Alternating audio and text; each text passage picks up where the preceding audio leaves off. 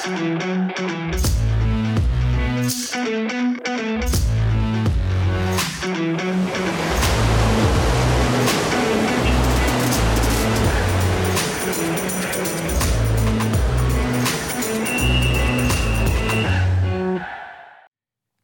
pozdrav, dragi ljudi, dobrodošli u 142. izdanje podcasta pod kapicom. Počela je Liga šampiona, u prethodnoj epizodi smo Nikola Rađan i ja malo analizirali e, sve ono što se dešavalo tokom prvog kola, malo smo vas uveli kroz prizmu aktera u tok, u dalji tok sezone, u ono što se dešavati tokom leta, pa malo se dotakli nekih represtivnih obaveza, problema s kojima se uh, E, suočava srpski vaterpolo, to jest dešavanje oko bazena na Banjici i tako dalje i tako dalje.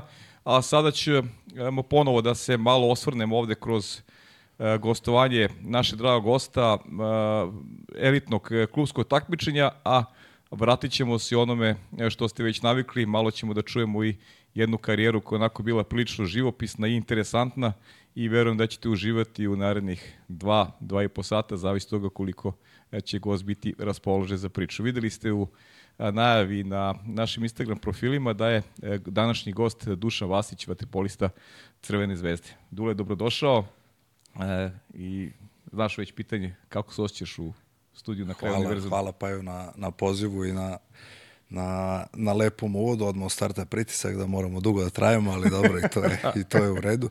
A studio kao ovaj, studio specifično, onako poprilično interesantan i moram da kažem da nije ovaj da nemam utisak kao da sam prvi put jer toliko puta sam ga gledao na, na ekranu tako da ovaj tako da se onako poprilično lepo je osjećam. Ono što mi je prvo ovaj, upalo u oči to je autogram Strahinje Rašovića za divno čudo. Uh mhm. -huh. ovaj, I moram da istaknem da mi je s jedne strane i drago što ga neću gledati u bazenu, jer sa njim svaki put neke muke. sa njim muke. Neka preuzmu muke Mađari sada sa njim tamo. Tako, tako da, je, tako je. Da ostavimo, ovaj, da ostavimo straju neka, neka uživa u Mađarskoj, a Dule počela je počela Liga šampiona, vratit ćemo se nešto kasnije ovaj, na način na koji ste ušli u elitno takmičenje. Uh, dok ti ja pričamo, tačnije dok ljudi ovo gledaju, već je odigrana utakmica sa Ferenc Varošem, a uh, Uh, umeđu vremenu, meč u Splitu, moram ti priznati da je meni teško pao, s obzirom da ste imali ovaj, iz mog ugla matene negdje dobijenu utakmicu, ajde tako da kažem, imali ste punu kontrolu, zaista ste izgledali sjajno u bazenu, pa bih eto volao da čujemo iz prvog onako ugla kako je, kako je tebi to sve izgledalo. Jeste, da.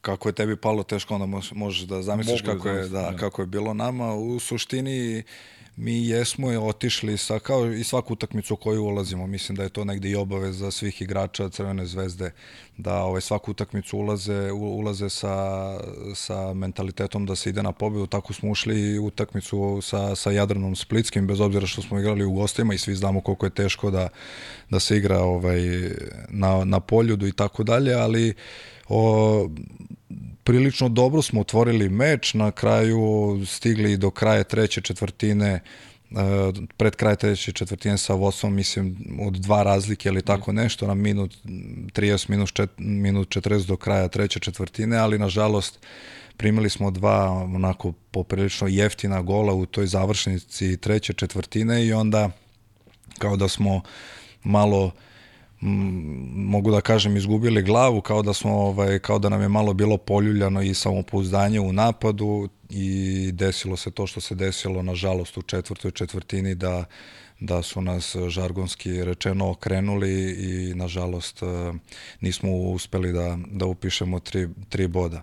Faktički ispada da smo na neki način i sami sebe pobedili s obzirom da smo pravili neke jeftine greške, poprilično jeftine greške u napadu i to se odrazilo ovaj, automatski na odbranu i nažalost eh, završilo je tako kako je završilo, ali eh, u suštini mi smo se odmah okrenuli sutra dan sledeće utakmice koja nas koja nas čeka u, u Ligi šampiona, to je sada u subotu Ferenc Varoš i i mogu slobodno da kažem da i tu utakmicu idemo, idemo da, da, da pokušamo da upišemo prva tri boda i da, da ostanemo u borbi za prolazak uh, za prolazak, odnosno za, da ostanemo u borbi za, za prva dva mesta u grupi.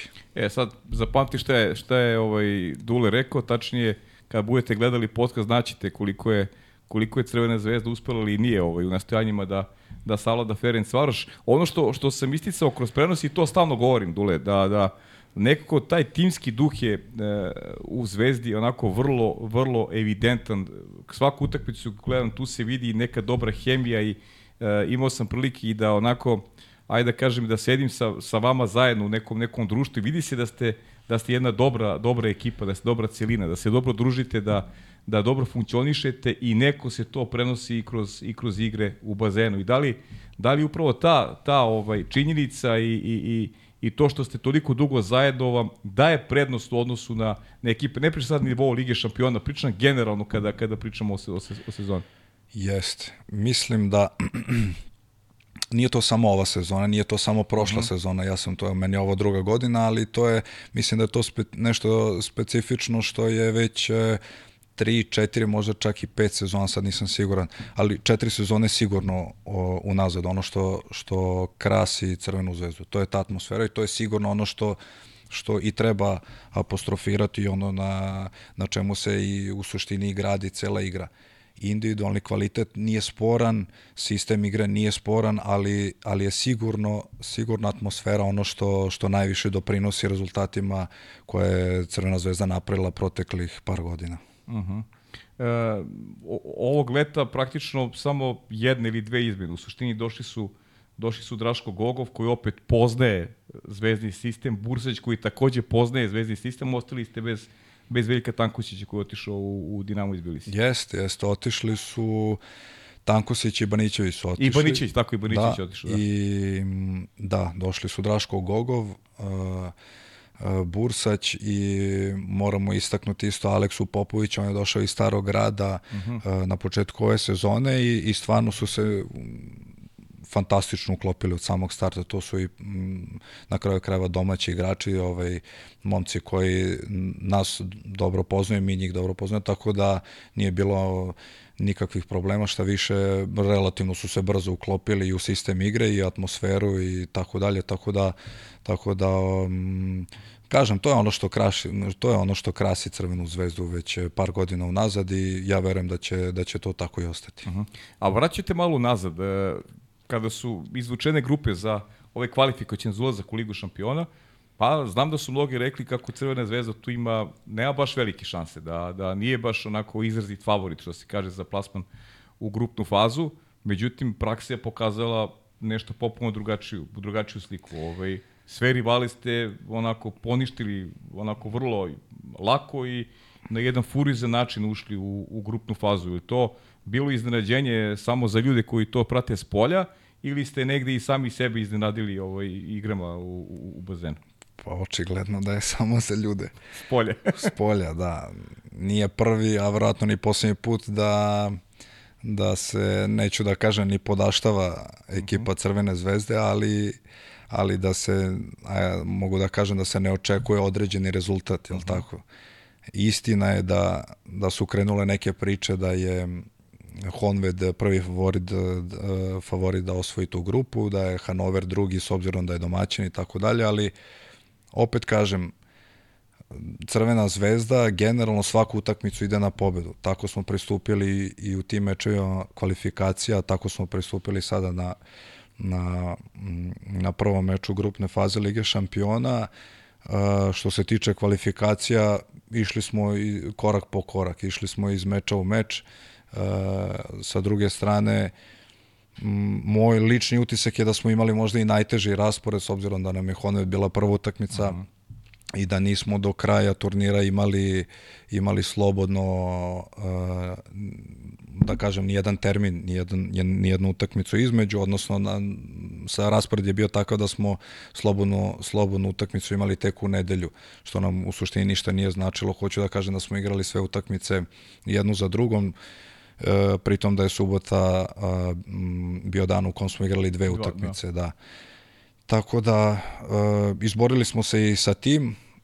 Uh, kad se gleda sa strane, ispada da smo se relativno lako izborili sa, sa, sa svim tim, ali i nije to baš tako, pogotovo kad igrate dve utakmice u danu, mislim da, da većina igrača zna o, o čemu se radi, ali u suštini je najbitnije da smo osvojili prvo mesto u grupi, pogotovo kad e, se dobije ta prva utakmica protiv uslovno rečeno najtežeg rivala, onda sve, sve dalje ide koliko toliko lakše, odnosno kao po loju, tako da na kraju se sve završilo odlično. Kako beše bilo protiv Konveda? Koliko je bilo? Mislim da smo 10-7 dobili uh mhm. -huh. prvu, druga nam je bila mm, Barcelona, poprilično nezgodna ekipa, iako nemaju uh, istaknute evropske igrače, ali imaju jedan određeni sistem, imaju iskusnog trenera koji je dugo godina radio u Steui, uh, rumunski trener Andrej Josep, uh, treća nam je bila uh,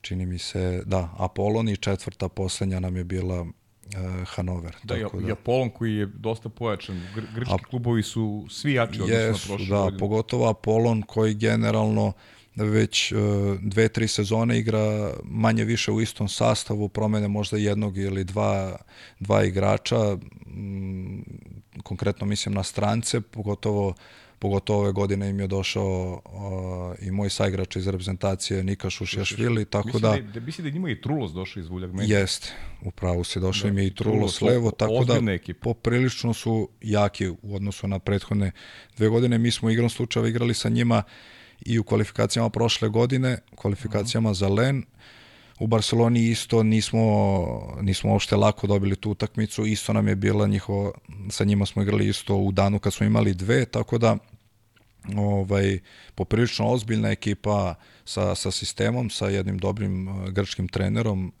uh, tako da uh, kažem, nije bilo lako, ali suština najbitnije da smo ostvarili rezultat po koji smo i otešli, to je prvo mesto u grupi. Uh -huh. Namerno te postične pričaš o tome zato što eto da malo i šira javno zna da, da, da, da ste imali u suštini u neka tri dana četiri poprilično izjednečena tima, bez obzira što se Honda tu ajde negde nametnu i kao glavni favorit, ali sve utakmice su bile uh, onako sa, sa rivalima koji imaju ozbiljnu bazu, imaju kvalitetni igrače i nijedan meč se nije mogao karakterisati kao laki. Znaš, da, da kažeš sebi, ok, sad ću ovde možda i malo energije da potrošim jer, jer su oni slabija ekipa. To su baš četiri onako kvalitetne ekipe koje uh, mogu da pobede bukvalno svakog ukoliko ukoliko se ne uđe sa pravim pristupom u, u, u, u meč.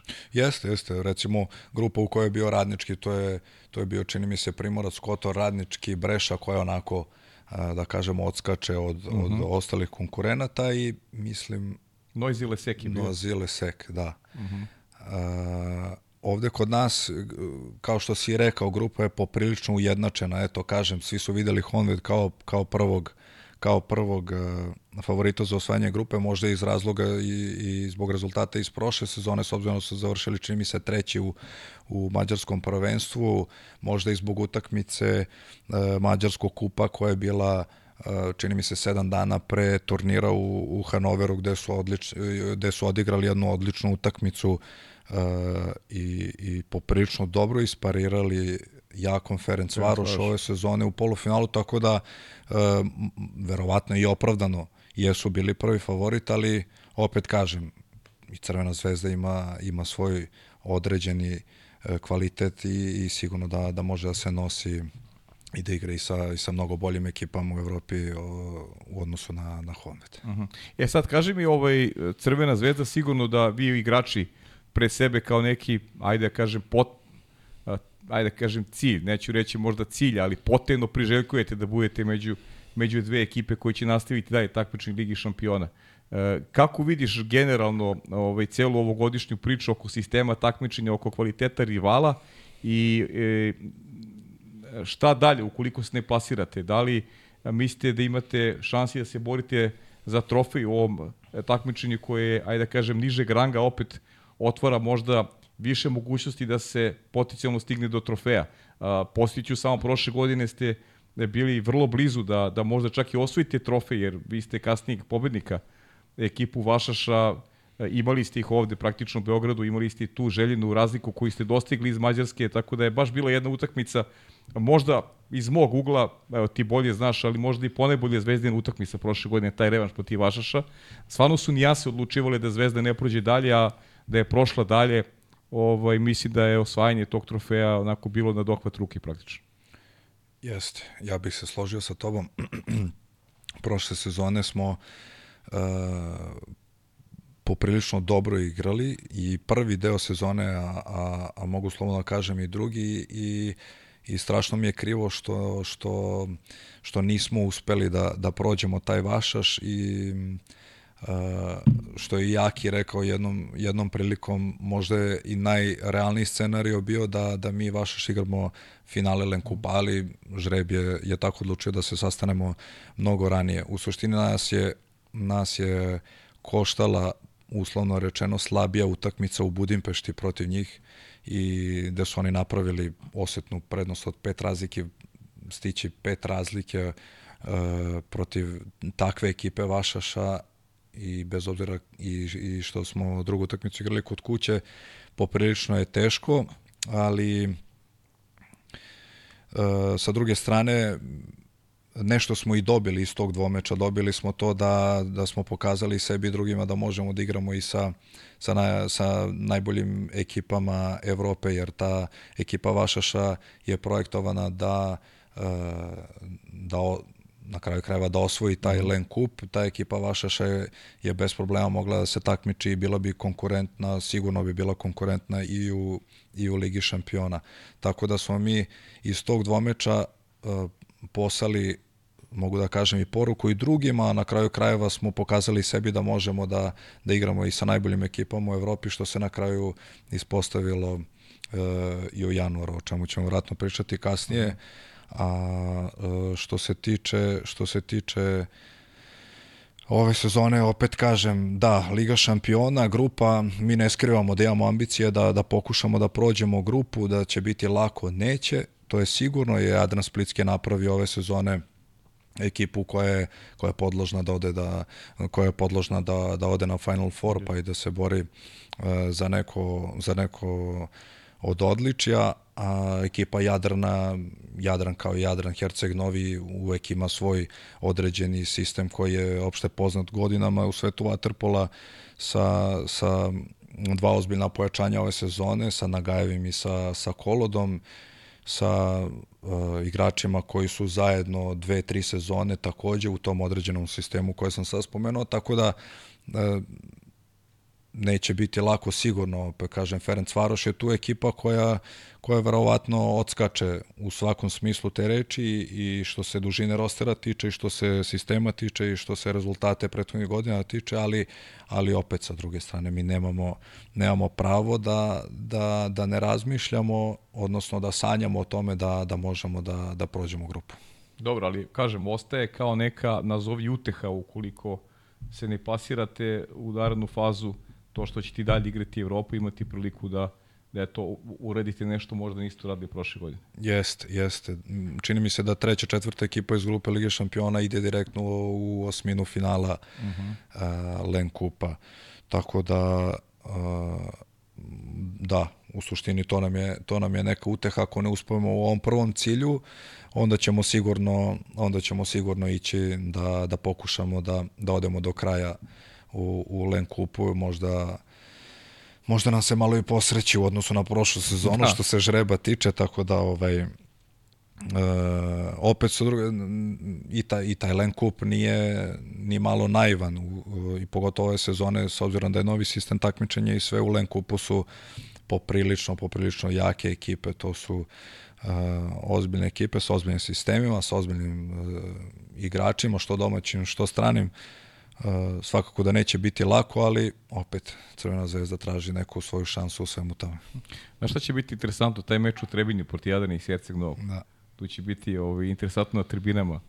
Biće tu ovaj, navijača. Jeste, jeste. Postoje već neke najave da, da, bi, da, da bi trebalo da bude naših navijača. Ja se nadam da su već razgrabali jedan kontingent Aha. karata na ovaj ili onaj način, ali ovaj, da, da trebalo bi da imamo podršku, sad vidjet ćemo da li će se to pokazati u praksi. Da. Dobro, vidjet ćemo. Ovaj, naravno, to je neki poziv da dašima da da generalno ovaj, isprate momke ovde na 25. maju, stvarno su utakmice u najavi sjajne, sve tri koje bude Zvezda igrala ovde, jedna je već odigrana, ali kažem, eto mi smo ovo snimali nešto ranije, tako da ne možemo da komentarišemo duel sa Ferenc Varošom, za koji ove godine igri Duša Mandić, Eduardo Di Soma, zaista jedna ekipa koja je po mnogima možda i drugi favorit ove godine za osvajanje titule prvaka Evrope, odmah za pro reka, ali ajde vidjet ćemo koliko će e, to oni uspeti da, da opravdaju. Naravno, ne smo da zaboravimo i Novi Beograd koji je takođe ove godine e, silno pojačan. Dakle, imamo dva srpska kluba, dva kvalitetna kluba i nadam se da će rezultati biti bolji. Iz pozicije Novog Beograda bolje može da bude samo titulo prvaka Evrope, a iz Zvezdine pozicije plasmu u narednu fazu, ja bih, ja bih ga ipak okarakterisao i kao onako jedno, pa neću da, da ne kažem iznenađenje, ali jedno nešto što se, je svakako jako prijetno kada govorimo o srpskom klubskom vaterpolu bi bilo da imamo eto dva kluba koja igraju u narodnoj fazi. Da, dobro, u suštini od Novog, od Novog Beograda se očekuje da da prođe grupu. Uh, oni su klub koji već dve, tri godine cilja titulu šampiona Evrope. Prethodne dve sezone nisu to uspeli, mislim, prethodne dve sezone da su igrali finale, ali tako, yes. koliko se ne varam. Ali ovaj, sigurno će i ove sezone težiti ka tome, najmanje ka finalu Lige šampiona. Eto, moj utisak, ono što smo i ranije malo nešto komentarisali, pričali da ove sezone možda imaju i i malo veće šanse u odnosu na prethodne dve, možda je bila i neka doza pritiska uh, uh -huh. prethodne dve sezone s obzirom da su domaćini, da igraju kod kuće i tako dalje. Sistem takmičenja je drugačiji, ja, iskreno moje neko skromno mišljenje što se uh -huh. kaže da ima da da ima ovaj sistem takmičenja možda i malo više leži u odnosu na prošlogodišnji gde su bile dve grupe po osam ekipa, ali je definitivno da uh, da će da bi do toga došli naravno kako igrači, ta, ali tako pre svega golmani morati da, da iznesu možda i najveću ulogu u svemu tome, jer nekako, opet kažem, moje mišljenje da, da bi se postao prvak Evrope ili, ili sveta u reprezentativnom vaterpolu, nekako se kroz godine, godine, godine unazad pokazalo da, da možda golman čak igra i, i najbitniju ulogu, tako da ja im želim u svakom slučaju svu sreću, ali eto malo i pritiska za Lazara Dobožanova i pridošlog De Michelis. De Michelis. Dobro. Stavio si ih po pritisak, vidjet ćemo kako će da reaguje, pogotovo Laza. A šta sam teo ti kažem e, vezano za, za ovu temu, e, da dovezu bih se nešto o čemu smo Nikola i ja pričali u prošlom podcastu i uz, učešće uzeli i brojni treneri i igrači.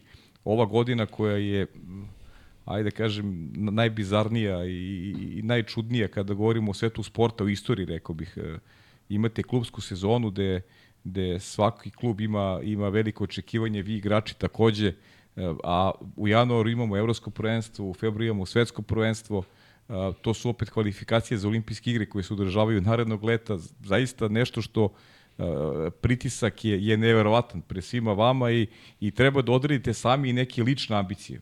Kako u sezoni koja je, u kojoj je kalendar tako ovaj, izdefinisan, možete da nađete nekog ventila i na koji način pripremate svoje telo, svoj mozak za, za sve ono što vas očekuje iz dana u dan. Pritom da posjetim, a to će, o tome ćemo kasnije pričati, ti si reprezentativac Gruzije i tebe čeka isto što i, i, i ovaj većinu igrača ovaj sa kojima smo razgovarali pa ajde kaži mi kako se ti nosiš i kako se pripremaš za sve ono što te očekuje na na nekom dnevnom nivou sve tamo do zaključno sa sa krajem jula jula meseca. Ako nas pita, pa evo. Da. Samo Suštine. radiš.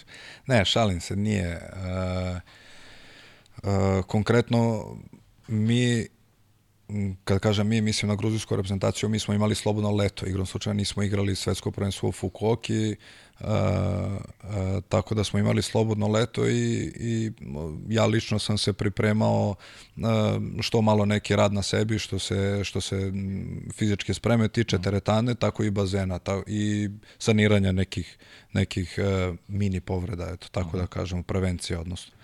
Uh, što se klubske sezone tiče, mm, ne znam šta bih rekao, mi ne možemo da utičemo na raspored, raspored je takav kakav je naše, da e, kako stvari stoje, moramo da se prilagodimo tome kako znamo i umemo.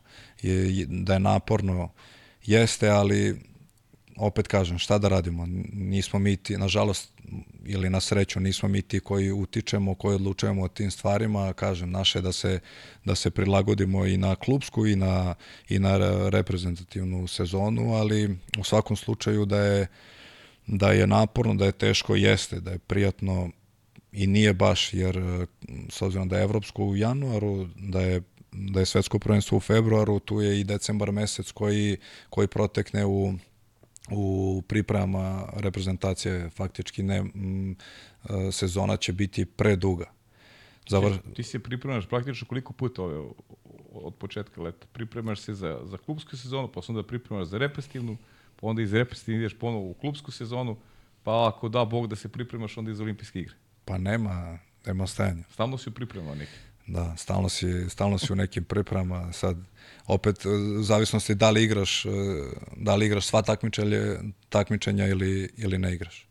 No. Uh, kažem, mi smo imali ovaj, tu situaciju da letos nismo igrali uh, Fukuoku, ali ove sezone, eto, januar igramo evropsko, onda u, u, u zavisnosti od rezultata na evropskom ćemo znati da li igramo svetsko u februaru. Mm -hmm. Tako da, da može da bi još da se... ti izborili svetsko, da. Da, da. Mislim da ovaj Šta vam treba? Ko, koji treba budete da biste obezbedili svetsko? Veruj mi, da ni ja više nisam ne, ne siguran, jer recimo uh, u, u toku trajanja evropskog prvenstva u Splitu pro, prošlo leto bilo je rečeno prvih osam ekipa sa evropskog ide, ide na svetsko u Fukuoku. Mi smo završili osmi, na kraju nismo otišli, to je bilo nešto um, Na kraju smo ispali jer je, jer je Srbija ispala od Francuske. Srbija je završila devet, ali je išla uh, na naredno svetsko, mislim, zbog plasmana na prošlom svetskom ili tako -huh. nešto, jer su završili peti. Mislim da je, mislim da je bila tako neka uh, klasifikacija, a sada Da, ne ulazim koja su, da, da, koja su pravila, nemam pojma, ali ovaj, u svakom slučaju mi ćemo težiti da, da, da napravimo što bolji rezultat na evropskom i nadam se da će to biti dovoljno da, da, da odemo na sledeće svetsko. Da priči baš kasnije o Gruziji, ajmo Vlado da čujemo prvo video pitanje. Pozdrav za sve gledalce podcasta pod kapicom, pozdrav za tebe Pajo i ceo tvoj tim koji realizuje ovaj podcast. I naravno pozdrav za vašeg današnjeg gosta Dušana Vasića. E, za Dušana bi imao dva pitanja. Prvo pitanje je da li po završetku karijere planira da se otisne u trenerske vode, pošto je u više navrata pokazao da je za taj posao i rođen. I drugo pitanje je da li može da nam malo bolje objasni zašto je poznat pod nadimkom Lisica. Ćao. A Maretu bi ja ovaj, sad odgovorio jednim kontrapitanjem, ali Aj, ovaj, s obzirom da nemam priliku, ovaj, morat ću prvo pitanje... Imaćeš priliku jednog dana. Pa jedva čekam. Dobro. Ovaj, a, što se prvog ti, pitanja tiče vezano za, za trenerski posao, a, imam, imam određenu mhm. ambiciju, uh -huh. ali što kažu ljudi, sve, sve u svoje vreme iskreno nisam ograničio sebe koliko će mi karijera trajati, uh mhm. -huh. ali, ali imam određenu ambiciju, a on verovatno to apostrofira jer ovaj, sam na neki način njega lansirao u, u, u A reprezentaciju, jer dok, ovaj, dok nisam bio u Zvezdi, njega ni, nije ga bilo nigde, a sad odjednom mož, možemo tako da, da, da povežemo. Od, odjednom ga i selektor zove. Da, a, A o, za ovaj nadimak ja prvi put čujem, ja nikad nisam, ja ne znam, mene nikad niko u životu nije nazvao lisica, to je... Znači, to je neka fikcija njegova, morat ću da pitam. Ja ne znam odakle njemu. Dobro, Marko, eto, čuo si odgovor. Pazi se sad na treningu. Pozdrav Marku Radoviću. Hvala što učestvo u ovom podcastu. A ja bih te sada, vraćamo se mi ponovo na te neke aktualne teme, ja bih te sad vratio ovaj, u, u neku prošlost i da malo ovaj, kažeš gledocima otkud ti u Vatripolu i, ovaj, i ta famozna Vojvodina o kojoj smo toliko pričali, pa ovaj, da nam je i ti podeliš ta neka iskustva, ovaj, tvoje iskustva ovaj, vezano za, za taj klub i, i generalno kako si se obreo u ovom sportu. Pa izvoli. Uh, um, počelo je tako što sam, u suštini ja sam počeo da treniram dva sporta u isto vreme, na početku je bio futbal, to je bila još osnovna škola, bio je futbal i, i plivanje. Trenirao sam plivanje neke dve i po godine pre nego što sam počeo sa vaterpolom. Čini mi se da sam, da sam vaterpolo počeo da treniram neke 2003. ali nisam ovaj, tačno, tačno siguran koja je godina bila u pitanju i kako, kako to uglavnom ide s mlađe kategorije. Sve sam prošao a, u vaterpolu klubu Vojvodina, prošao sam tu, tu famoznu školu i sistem vaterpolo kluba Vojvodine a, i mislim 2009. da sam priključen prvom timu. Uh mhm. -huh. Ali eto da kažem da sam počeo 2003. 2003. godine sam počeo da, da treniram vaterpolo. A čekaj, Vojvodina, futbol isto bila Vojvodina? Ili? Nije, nije, nije. Futbol sam trenirao, to je futbolski klub Novi Sad uh mhm. -huh. a, sa, sa stare detalinare. Bilo je blizu osnovne škole i onda faktički po, po, po završetku... Znam, Novi Sad pored prugi. Tako je. Kanarinci stari. Kanarinci, da. da. Ovaj, tako da to jeste moja, bila moja prva želja, a o, plivanje sam uporedo trenirao e, klasična ona priča zbog zdravlja, zbog kičme, zbog držanja i tako dalje i onda ovaj na kraju u jednom periodu e, života sam morao da se odlučim, odnosno roditelji su odlučili na koji ću sport nastaviti jer e, vremenski nije moglo da se isprati jedno i drugo i onda su ovaj odlučili na žalost ili na sreću da to bude vodeni, vodeni sport. Pa na žalost ili na sreću?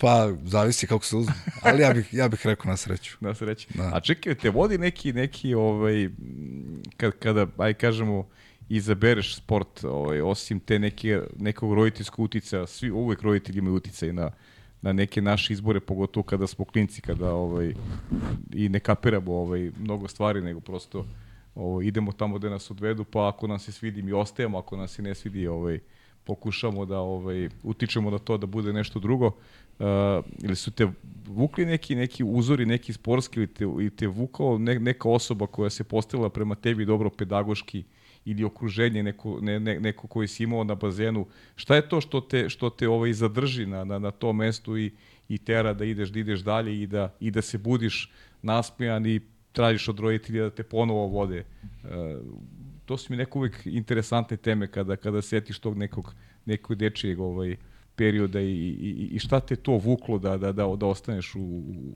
konkretno vaterpolu? Uh, pa ja ne mogu da kažem da me konkretno neki uzor vukao da, da ostanem u sportu, uh, pogotovo kažem u, tim, u tom najranijem dobu gde, gde sam više preferirao uh, po znacima navoda zemljane sportove, kako futbal, tako i, tako i košarku, s obzirom da košarku nikad nisam trenirao, ali, ali u tom periodu, recimo u tom najranijem periodu, više sam se vezivao i više sam voleo iskreno futbal u odnosu na, na plivanje, jer nekako uh, generalno volim sve sportove sa loptom, pa sam tako na kraju krajeva i upisao vaterpolo gde sam posle jednog plivačkog treninga koji sam završio, vaterpolisti su imali trening posle plivača ko, kao što je i dan danas i onda sam video da se u, da, u, da i tu postoji neka kombinacija plivanja sa, sa loptom, pitao sam to šta je ovo, koji je ovo sport, on mi je objasnio i, i tako sam i upisao sport, ali kažem, nije mi uh, neki idol bila mm -hmm. vodilja da ostanem u sportu, jednostavno sam uh, u tom periodu sam bio fokusiran na igru. Uh -huh. I a, mislim da, da to tako i treba da bude, da, da, da deca pogotovo u tom najranijem dobu i trebaju više da se igraju nego da se, da se takmiče ili da im se nameće bilo šta, tako da eto, ovaj, to je, generalno to je sve poprilično spontano išlo. Uh -huh. A taj pedagoški rad, koliko je važan, evo, pošto malo pre smo čuli da imaš ambicije da se baviš i trenerskim poslom, uh, verujem da bi danas iz te neke perspektive učenja uh, koje, znanja koje si stekao, da, da bi i ti znao kako da prenoseš momcima tu neku ljubav ili devojkama, svejedno, koje se, koje se baje vaterpolom, prenesiš tu neku ljubav prema sportu i, i nekoj, nekoj želji za, za nekim napretkom i, i ovaj, uh, jakim treningom i sve ono što, što nosi neki, neki ovaj ulog za, za, za ono što, je, što predstavlja neku budućnost. Pa mislim da, da generalno je jako bitno da osoba koja ostaje u sportu da mora da voli taj sport, da nema tu neke, neke ovaj, druge koristi. Uh mhm. -huh.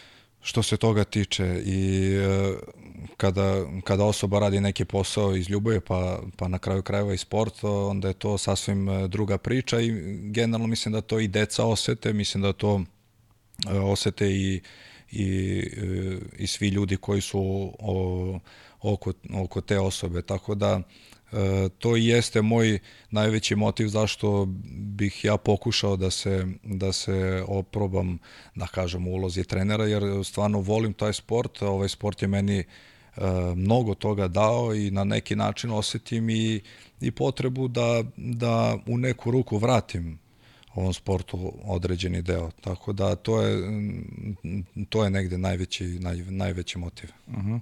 A dobro, aj postavim me sada, da ne ulazim sada malo dublje u, u, u temu koja jeste interesantna, ali možda ćemo pričati dana kad budeš postao trener. Uh, ta sjećanja tvoja na, na prvi tim, na generaciju, na, na, na neka tvoja očekivanja, spoznaju da imaš talenta, da možeš time da se baviš. Kako je taj proces negde, negde tekao u tvojoj glavi? Pa otprilike taj proces je tekao sve se to dešavalo baš te sezone kad sam ušao u prvi tim. To je ta 2009. godina i, i tada tada sam negde i, i shvatio da, da ja mogu da se, da se bavim uh, profesionalno ovim sportom. Sve do tada, kažem, više je bila igra, jeste bilo takmičenje, su bila i otvoreno prvenstva države i tako dalje, ali to je više ne, e, bila neka igra u odnosu mhm. -huh. na, na mm, na postizanje rezultata, ali već te 2009. kažem kad, kad sam ušao u prvi tim, tu sam negde shvatio da, da, da bih mogao da se, da se vidim uh, profesionalno u ovom sportu i to se, to se na kraju tako i ispostavilo. Da. Uh -huh. Uh, pamtiš nešto specifično za, za taj period sa, sa Vojvodinom? Neki Pam... detalj, neka, kada si dobio ovako i neki prvi, da kažem, i batine i ovaj, ako se to uopšte desilo, neki važan gol, neki segment koji je onako obeležio taj neki period? Uh, pamti, iz, iz tog perioda pamtim uh, krvav rad, ali poprilično krvav rad u Vojvodini, da, sa, sa sa Dejanom Stanovićem, ali na kraju krajeva da nije bilo tog rada, pitanje da li bi i kod tih mhm. igrača i napravio bilo šta.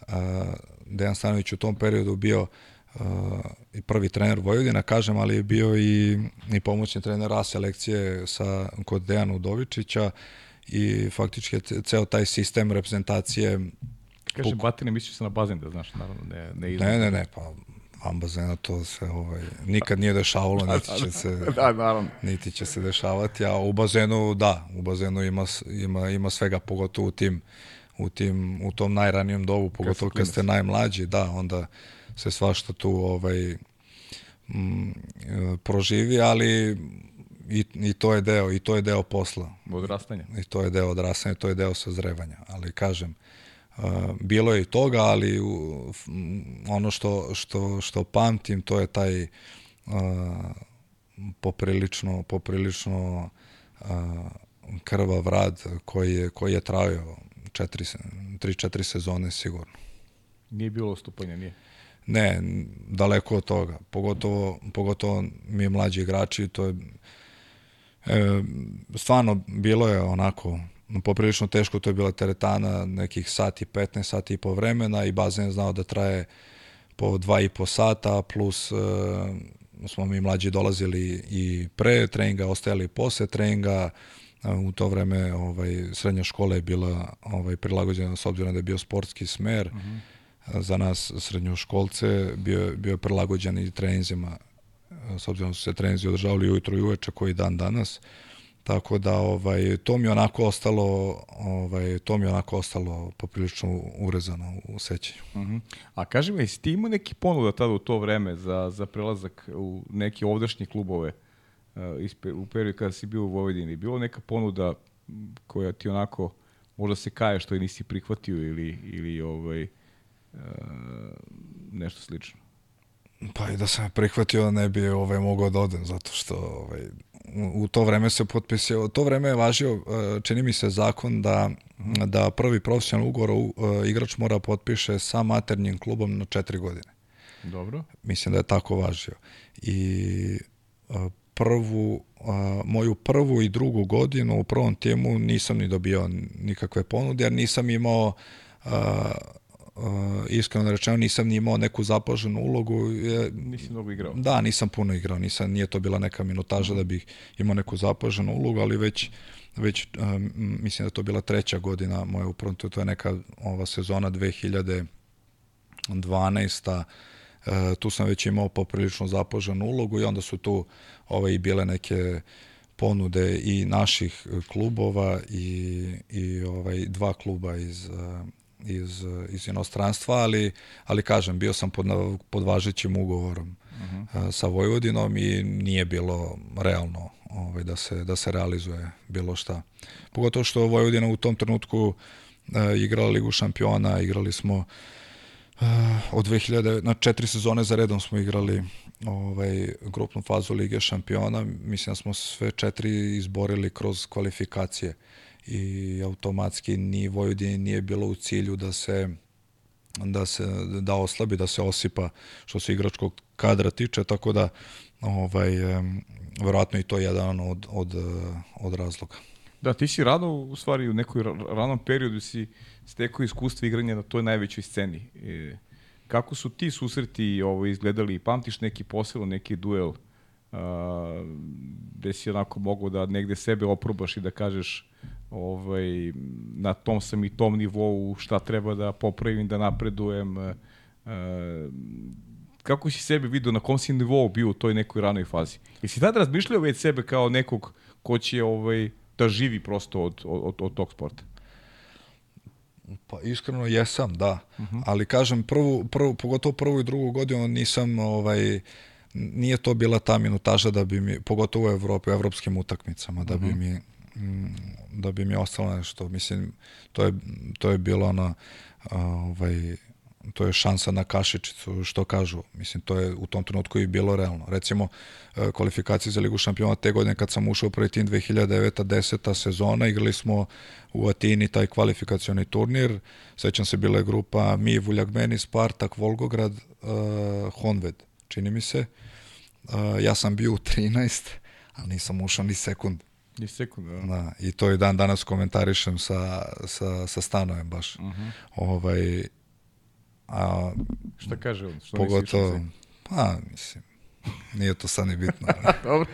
ali, ovaj, uh,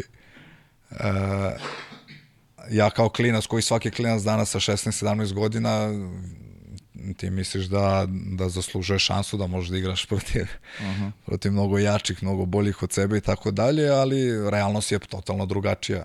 I kažem, te prve, pogotovo prve sezone, više sam minutažu dobijao u domaćem prvenstvu, pogotovo u tim slabijim utakmicama. Uh -huh. I onda iz sezone u sezonu, to je, to je ovaj, e, se postepeno povećavalo, na kažem, u trećoj sezoni ovaj, kad se već ekipa malo rasula, onda stanuje kao, ajde, Vaski, sad mi trebaš, kao, ajde. sad te se setio. Da, da, da. Sad te se setio. dobro, dobro, Dene. Pričat ćemo, pričat ćemo o ovome, kako se kasno setio Vaskita. Šalim se, šalim se. Moram da isteknem da stvarno što se, što se ovaj, uh, uh, da kažem, mog vaterpolo znanja tiče, najveću ulogu je imao upravo on. Mislim, uh -huh. mi se sad šalimo, ja sam to njemu i rekao. Uh -huh. ovaj, i e, to je baš iz tog razloga jer mislim u tom naj da kažemo najdelikatnijem periodu za igrača, za mladog igrača, ja sam proveo pod njegovim što kažu, rukovodstvom.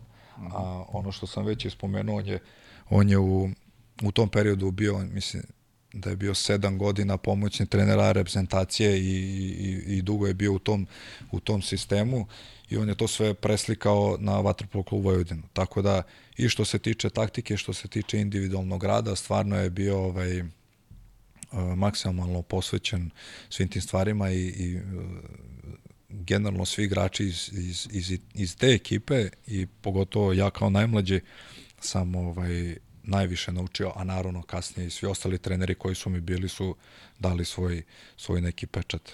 Pa dobro, mislim ono što, što, što je činjenica i, i, i negde i, i pohvala njemu ogleda se u toliki broj igrača koji su stasali u Vojvodini, a kasnije postali i A reprezentativci i, i sjajni klubski igrači i eto ima vas koji igrati i za druge reprezentacije, tako da stvarno jedan sistem koji je onako bio prepoznatljiv vezan za Vojvodinu i ono što i volim da istaknem, dugo e, su upravo neko Partizani i Vojvodina i, i davali igrače koji su matene i predstavljali i reprezentaciju Srbije e, u krajnjem slučaju, pa i ova generacija koja je sada sišla sa scene, veliki broj Jeste. igrača koji je poniklo, koji je poniklo u Vojvodini. Jeste, jeste. Pa generalno Vojvodinu je krasio, godinama je, je krasio taj sistem rada i na kraju krajeva i ne samo o, o, igrači koji su, koji su ponikli u Vojvodini, koji su napravili vrhunske karijere koji su na kraju krajeva i dvostruki olimpijski šampioni, a ponikli su u Vojvodini,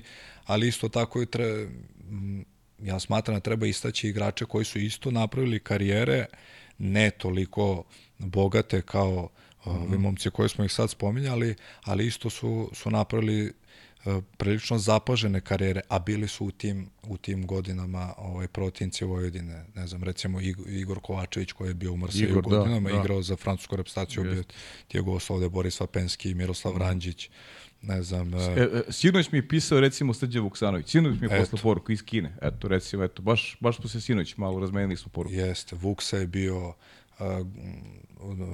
godinu kasnije došao i Basara na kraju krajeva. Ubović je bio mm. isto godinu dve. Nisu stasali u Vojvodini, ali su ovaj, koliko toliko isto prošli taj taj sistem Uroš Kalinić, Petar Filipović, ima, da. im, stvarno ima, ima igrača koji su napravili um, respektabilne karijere i kasnije.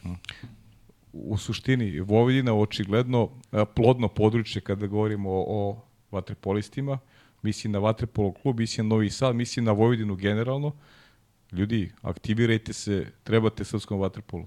Ajmo jest, da... Jeste, da. da ja da, se nadam da će, da će se nastaviti tradicija, to je sad malo ovaj, posljednjih par godina da kažemo utihnulo iz kog razloga stvarno ne znam mm. niti sam se nešto mnogo raspitivao i, i ovaj a, i, i ne znam koji je razlog tome, ali iskreno se nadam da će, da će se vratiti taj, taj brend, pogotovo rada sa mlađim kategorijama u Waterpolo klubu Vojvodina, jer mlađe kategorije Vojvodina su uvek imale a, a, zapažene rezultate na, na, na prvenstvima Srbije i tako dalje.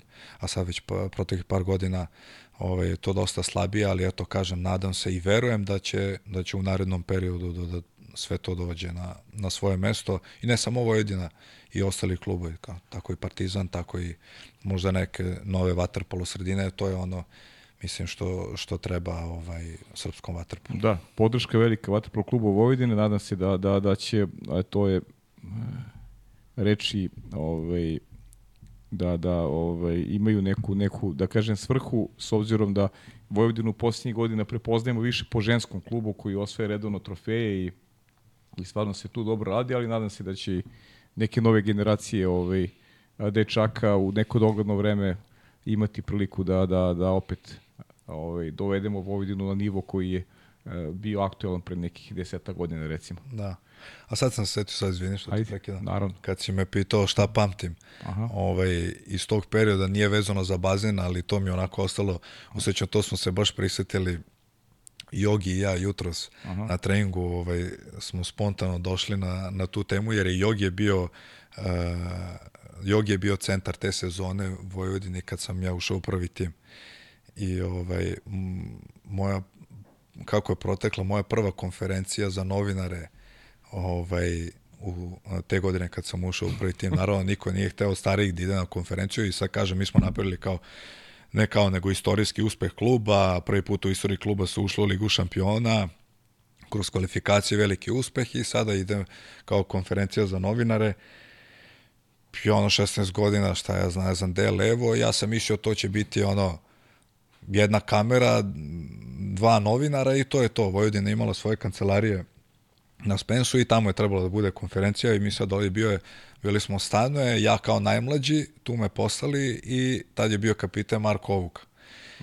I ja ulazim u kancelariju, ono, jedno sedam, osam kamera i jedno desetak novinara, puna, a mala je kancelarija. To je puno kao oko, meni je to izgledalo kao da ima 50 ljudi. Da su svi došli samo zbog nas. I sad mi seli ono i stano ispriča svoje, ono, ono njegovo, uh, ovu ispriča svoje i sad meni prebacuju mi mikrofon. I kao, prvo ti ima svoju dnevna Dušan Vasić i sad ova žena što je novinarka, ona je vratno primetila da mene ubila trema, sasekla I ona tu da nešto razblaži i pita me i kao, šta ima da ga... I ja... Blokira. Bokivo. Blokira. Ni slovo, ništa.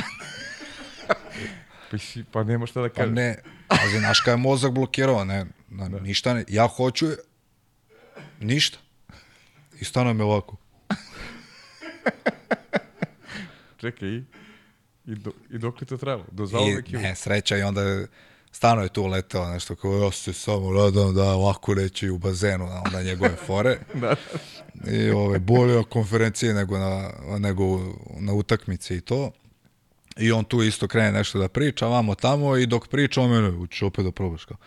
I ja rekao, pa kao ajde. I žena opet postaje pitanje isto i onda ništa, onda normalno sam krenuo. Ovaj, yes, yeah. Da, još, i, još sam ja pre, ja sam pre, ovaj, ja pre konferencije kao naučio dve, tri, dve, tri rečenice na pamet, znaš, kao sad, a ja tučem svoje. -huh. Ma ništa, žena postaje pitanje, ja slika je tu, ali nema, nema tona. tona. Da. Tako da, eto, to, to sam se sad setio. A isto mi je Jogi, a recimo Jogi, ja sam tad imao 16 godina, a da mi to bude opravdanje. Jogi je imao tad, koliko je imao, 21, 22, koliko je, hmm. nebitno. I on je otišao isto povodom toga, kao istorijski ovaj, uspeh. On i direktor ili predsednik kluba u to vreme su išli live. Uh, išli su live radio televizija Vojvodine. isto, ista situacija. Mm, ima kaže slika. samo što je samo što ima slika, da. Samo što je njega još znoj oblio, kaže, pa to ništa. Znači, ništa, ništa da krene. Da, kamere su čudo. Da. Samo ti kaže, ima neki koji i sad sa tri banki, ovaj, teško im ovaj, da, da Ja to razumem. A mislim da i to je verovatno praksa. Mislim, pa jeste, generalno jeste nismo praksa. mi navikli šta mi da.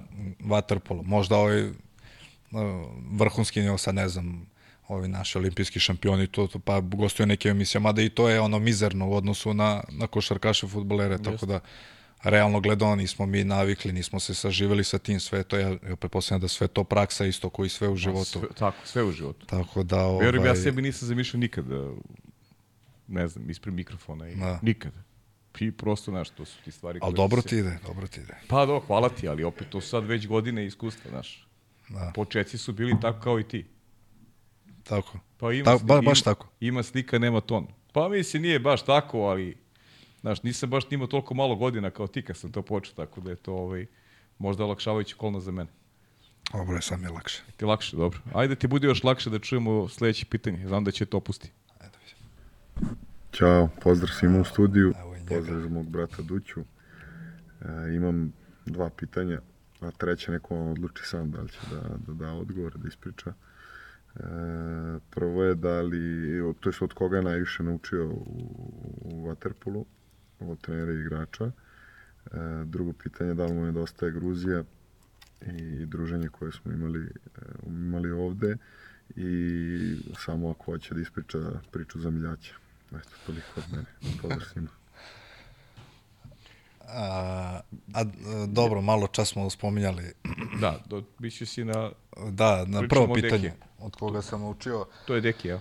Što se trenera tiče, pa jeste, da, Deki, to je Deki Stanović i kažem iz toga zato što je taj, taj prvi mm -hmm. i najduži period sam bio sa njim i najdelikatniji, ali opet kažem i sa svim ostalim trenerima kojima sam radio sam ovaj sam uh, dosta toga pokupio, a uh, drugo pitanje da li mi nedostaje Gruzija, nedostaje mi iskreno mm. i s jedne strane jedva čekam da uh, da počnu pripreme sada ovaj, u decembru koje ćemo imati za to evropsko, da, da, da malo vremena provedemo i tamo je stvarno, stvarno je bilo super, mislim, možda ćemo se i, i osvrnuti malo na Gruziju. Hoćemo, naravno. A, a treće pitanje za, za Miljača, to je opet što se tiče ovaj, Dejana Stanovića, a Miljačo je ja iskreno ne znam ovaj, konkretno ko je, to je igrač, to je italijan, jedan koji u, u tom trenutku kad smo mi pričali o njemu, mislim da je igrao Ortiđi ili tako negde i i ovaj jedno od mnogo broj, to je bila sezon, to je bila prva moja sezona u Dinamo kad smo bili svi zajedno, bili smo. Vapenski, Jelača, Sarić, ovaj Stano je ja i ovaj i jedno od mnogobrojnih druženja koje smo imali, ovaj, kod Stano, Stano je fantastično kuva, sa Stano nisam ironičan, znači Aha, okay. čovjek fantastično kuva i ovaj, vjerojatno ćeš imati prilike kad budeš, ovaj, bož zdravlja, bio u Gruziji i jedno od, od mnogobrojnih druženja koje smo imali, ovaj, e, dotakla se tema na, naravno Waterpola i, i nekih o, utakmica koje su bile to kolo i i sad pričaju, i tu je bila neka muzika, naravno, naša, mi malo pustili i to i ovaj, nismo baš blizu jedni drugih sedeli, ja sad nisam čuo šta pričaju ovaj, Vapenski Jelača i Sarić, ja smo, a Stano je bio sedeo tu pored mene, a njih trojica tamo. I sad ja čujem da oni nešto pričaju o Ortiđe, o Waterpolu, o tom kolu koje je bilo, nešto miljaću, miljaću. I ja govorim, reko, ovaj, uh, ja pitan Stano, ja, ko je bre taj, i stano je kao ubacuje se, ma Miljačo, ma dečko igra levo, desno igra, ma fantastično igra, čim sjedinice, maš četvorke, ma radi, ma zatvara, otvara, ma šta hoćeš. Ja ono, ko je bre Miljačo, ko je, i ja kažem, ja stano, pošto tu muzik sada se ne deren tamo preko stola, ja, kažem, ja pitan stano, rekao, ko je, ko, gde igra taj Miljačo? Ko je taj Miljačo? Kažu, ko? Pa Miljačo. Ne znam o kojem pričaš.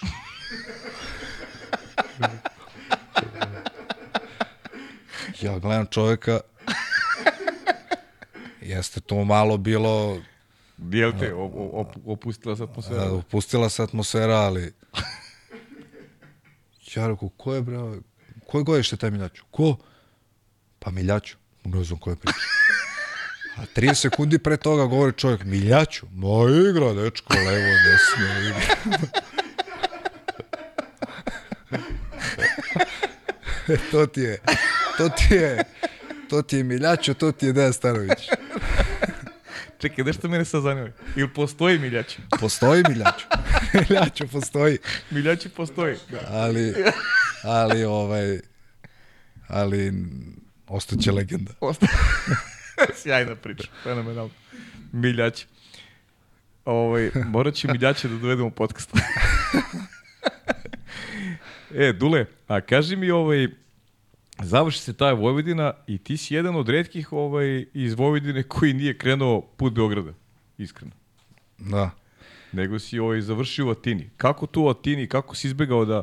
Ne, ne, ne, prvo iz Vojvodine sam u Firencu otišao. F, izvini, Firenca, da, bravo. Da. Firenca, da, da, moj, moj, moj, moj previt a kažem, a, a mislim da je tu posle neka priča iz Vojvodine da, da dođem u Zvezdu, mislim 2014. godinu, godinu uh -huh. nakon što su osvojili Ligu šampiona, ali mislim i te stvari, stvarno ne mogu sad pričamo o tome i da se zamaramo time Hvala, kao god. E,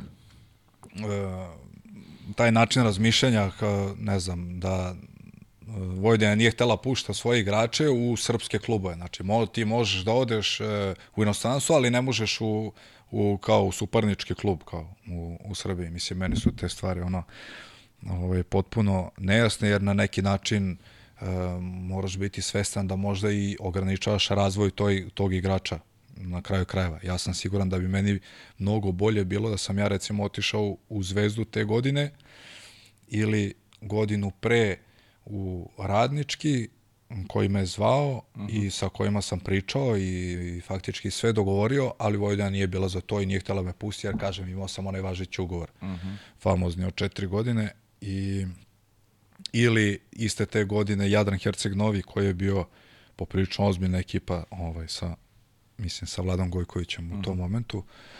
Jeste, da. I ovaj, isto tu ovaj, nisu teli da me puste i na kraju se ispostavila tako da godinu pre isteka mog ugovora no, su me pustili, ali kao u klub iz inostranstva i to je kažem, igrom slučaja bila Firenca. Bilo je još nekih klubova ovaj, iz inostranstva, ali e, ja sam u tom momentu a, mislio da, da za moj razvitak Firenca možda najpodložnija sredina. Uh -huh. a, da se razumemo, nisu to bile neke ponude vrhunskih evropskih klubova, jer nije ni bilo realno u tom trenutku da budu, jer kažem, ja, ja trebalo sam... ti ovo, trebalo ti ovo što si naveo. Tako je, ja sam imao, ja jesam sa Vojvodinom igrao Ligu šampiona, ali nisam imao tri godine, uh, tri vrhunske sezone, recimo. Imao sam jednu, tu poslednju, mm -hmm. svoju. Ove, tako da nije ni bilo realno da se vrhunski evropski klubovi interesuju. Uh, bilo je nekih uh, još ponuda ovako sa strane, ali ovaj kažem u tom trenutku mislim da mislio sam da je Firenca o, najpodložnija i, i, i dan danas ne smatram da sam pogrešio i, mm -hmm. i Mhm. moram da kažem da u tom trenutku mi je Filip Filipović najviše pomogao mm -hmm. što se toga tiče i odlaska tamo ovaj, u, u Italiju i Firencu i, i eto kažem to je bila sezona 2015. na 16. Uh -huh. To je moja prva godina i nažalost rezultatski nije bila uh, uh, nešto naročito dobra, šta više bila je loša. Uh, nisam se ni ja dovoljno dobro ni raspitao o ekipi koja je bila tada.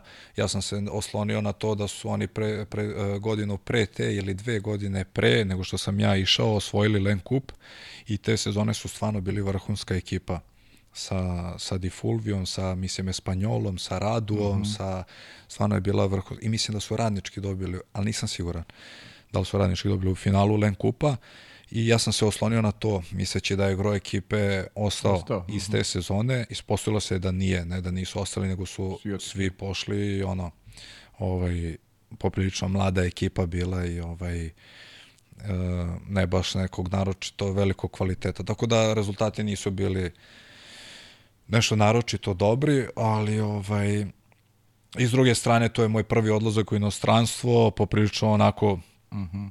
nije, nije išlo lako. Šta više, bilo je... Bilo Koliko si imao godina? E, 22.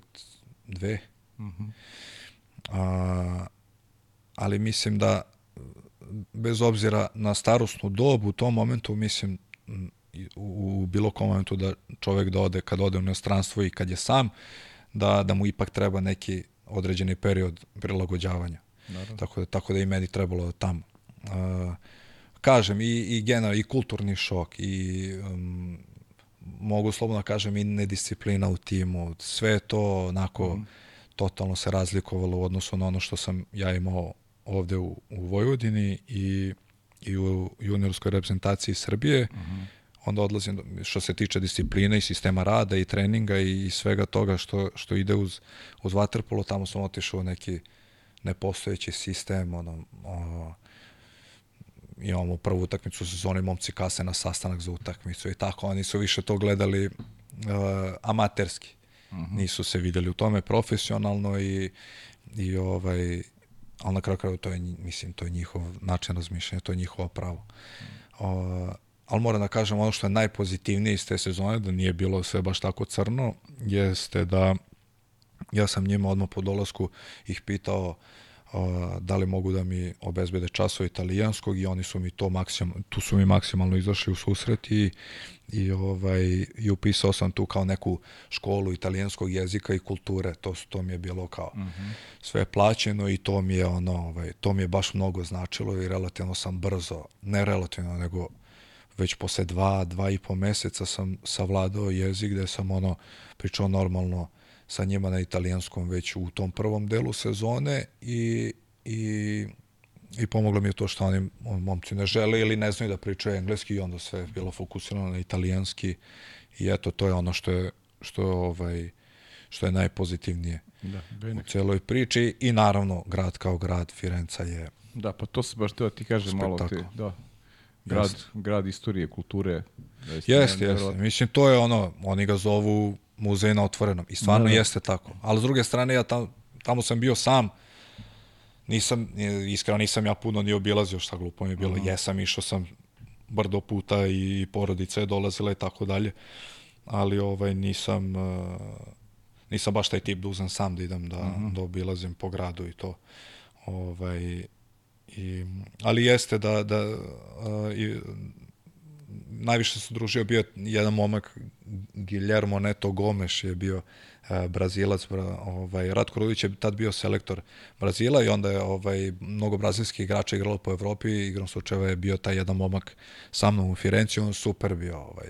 Uh mhm. -huh. Generalno sam njih sam se najviše družio, italijani koji italijani gore, bar sam ja stekao taj utisak u Firenci, nisu nešto naročito. Druželjubivi. Druželjubivi, da. Uh mhm. -huh. Ali u suštini ovaj, super iskustvo. Uh -huh, uh -huh. Koliko si bio u Firenci? Godinu dana. Godinu dana. Godinu, da. Godinu dana. Bilo je, i, i bilo je priče i da ostanem i da produžim ugovor na još dve godine, ali iskreno nisam se ovaj, nisam se video tamo i, i to sam i otvoreno rekao i oni su to poštovali ovaj, mm -hmm. na kraju je ostao super odnosima sa njima i sve, ali eto, razišli se putevi. A kako ti se dopala generalno, mlad si čovjek, mlad si bio jako tada, ovaj, to je sad sudar neke, neke druge kulture, ali si baš bio na pravo mesto da se upoznaš sa tim, tim nekim, ajde da kažem, tu kulturu zaista Firenci impresivno u tom pogledu, opet ne znam da li si posjećivao neke druge sportske manifestacije. Si imao nekog sa naših prostora u, u tom periodu s koji si družio ili ne, nisi nisam im, ne. Uh, u tom u toj godini ili u toj sezoni niko nije ono Fiorentina, fudbalski da. klub, svi znamo o, o kakvom se klubu radi, ali u toj sezoni niko nije ovaj igrao od naših ili sa, sa Balkana, ili uh mhm. -huh. da, da sam ja bar znao. A, ja sam otišao na par utakmica, generalno volim sport i pratim sport, kažem, uh mhm. -huh. pogotovo u tim godinama futbolom sam, futbolom sam bio o, zaluđen, tako da sam otišao na par utakmica koliko, koliko je vreme dozvoljavalo, koliko se poklopi raspored da smo ovaj, da imamo slobodno veče, pa sam otišao par puta, sećam se, bio sam Fiorentina Inter, bio sam e, Fiorentina Milan i još jedno, mislim, mislim da je bio Udineze ili tako mm -hmm. neka ekipa. Mm -hmm. Ali ovaj, kažem, uh, totalno je dru, uh, totalno je drugačije kada, kada i, i imate i kada imaš sa kim da odeš, da se družiš, da ti bude, a, a ipak je malo drugačije kada ili kad si sam ili kada ideš sa nekom ekipom koja ono i nije da, ti da. baš ono prvi izbor.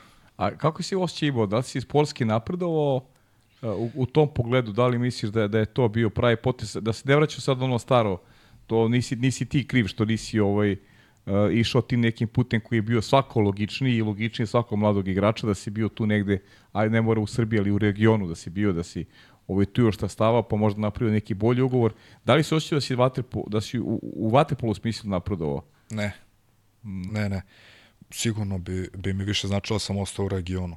Pogotovo mm -hmm. u nekom klubu, našem ili u klubu iz regiona koji je, mm -hmm. koji je recimo stepenik ili dva stepenika iznad Vojvodine u tom trenutku, što je normalno. I, i, i ne mogu da kažem da sam napredo u vaterpolu smislu ovaj, što sam, kad sam otišao u Firencu, individualno pogotovo, jer kažem, um, što se individualnog rada tiče treninga, to je onako bilo na popriličnom niskom nivou, s obzirom na šta smo mi navikli u tim godinama mm -hmm. ovaj, u srpskom sistemu. A, ali sam, a, mogu da kažem da sam dobio neko određeno iskustvo i, i neku određenu viziju da vaterpolo može da se igra i u nekom drugom sistemu, ovaj, a ne samo u, u tom sistemu u kom, igra, u kom se igra i dan danas i u kom se igralo ovaj, mm -hmm. uh, u kom se igrao srpski vaterpolo generalno u tom trenutku italijanska liga je bila poprili, ne poprilično, nego je bila jaka, jaka da. Mađarska uvek, ko što, kao što je i dan danas, ali, ali Mađarska je bila možda najjača, možda, možda druga, sad nije bitno. Ali, ali ovaj, u tom smislu da, sam dobio neko određeno iskustvo i neku, neku novu viziju da, da možda i neka, neka druga škola mm -hmm. nije toliko, ne nije toliko loša, nego možda ne, možda, sigurno ima da se pokupi mnogo, pokupi mnogo pozitivnih stvari. Uh mhm, -huh. Mhm. Pa to može ti pomoći za trenerski posao. Pa da. Znaš, da.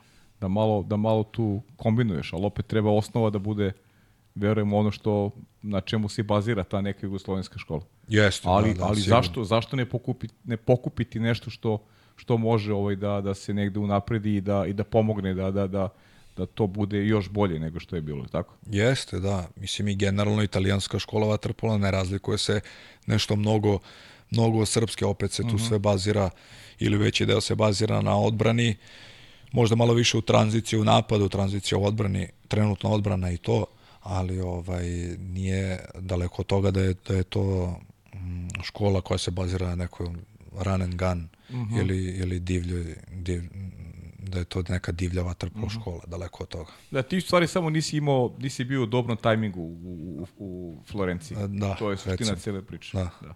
Jer bilo je mnogo velikih igrači iz svojih prostora koji su igrali u tom klubu, ali da, prosto, su, jest. prosto je tajming bio drugačiji. Eto da si otišao godinu dana ranije, zaista bi imao onako jedno super društvo uz koje bi mogao i da naučiš više i da, i da individualno takođe napredeš. Jeste, sigurno. Da, sad, kad si to rekao pa sam setio, Vapenski je pitao i od kog si igrača najviše pokupio, Tako sa druge strane me, mi je i to malo krivo što nisam imao tu tu šansu, tu priliku da, da igram u, u ekipama u, gde su vrhunski igrači. Ja, ja sam igrao sa dobrim, recimo, vrhunski igrač sa kojim sam igrao, mislim sad opet ako krećem da nabrajam, možda ću nekog zaboraviti, a nije mi to, stvarno mi to nije cilj, ali prvi koji mi je padao na pamet to je Hristo Afrodakis u Voljagmeniju. Uh -huh. I ja sam tada video koliko, koliko stvarno uh, čovek može da nauči i od igrača, znači nije to samo trener i nije to samo sistem mm -hmm. vaterpola u zemlju u kojoj se nalaziš, nego stvarno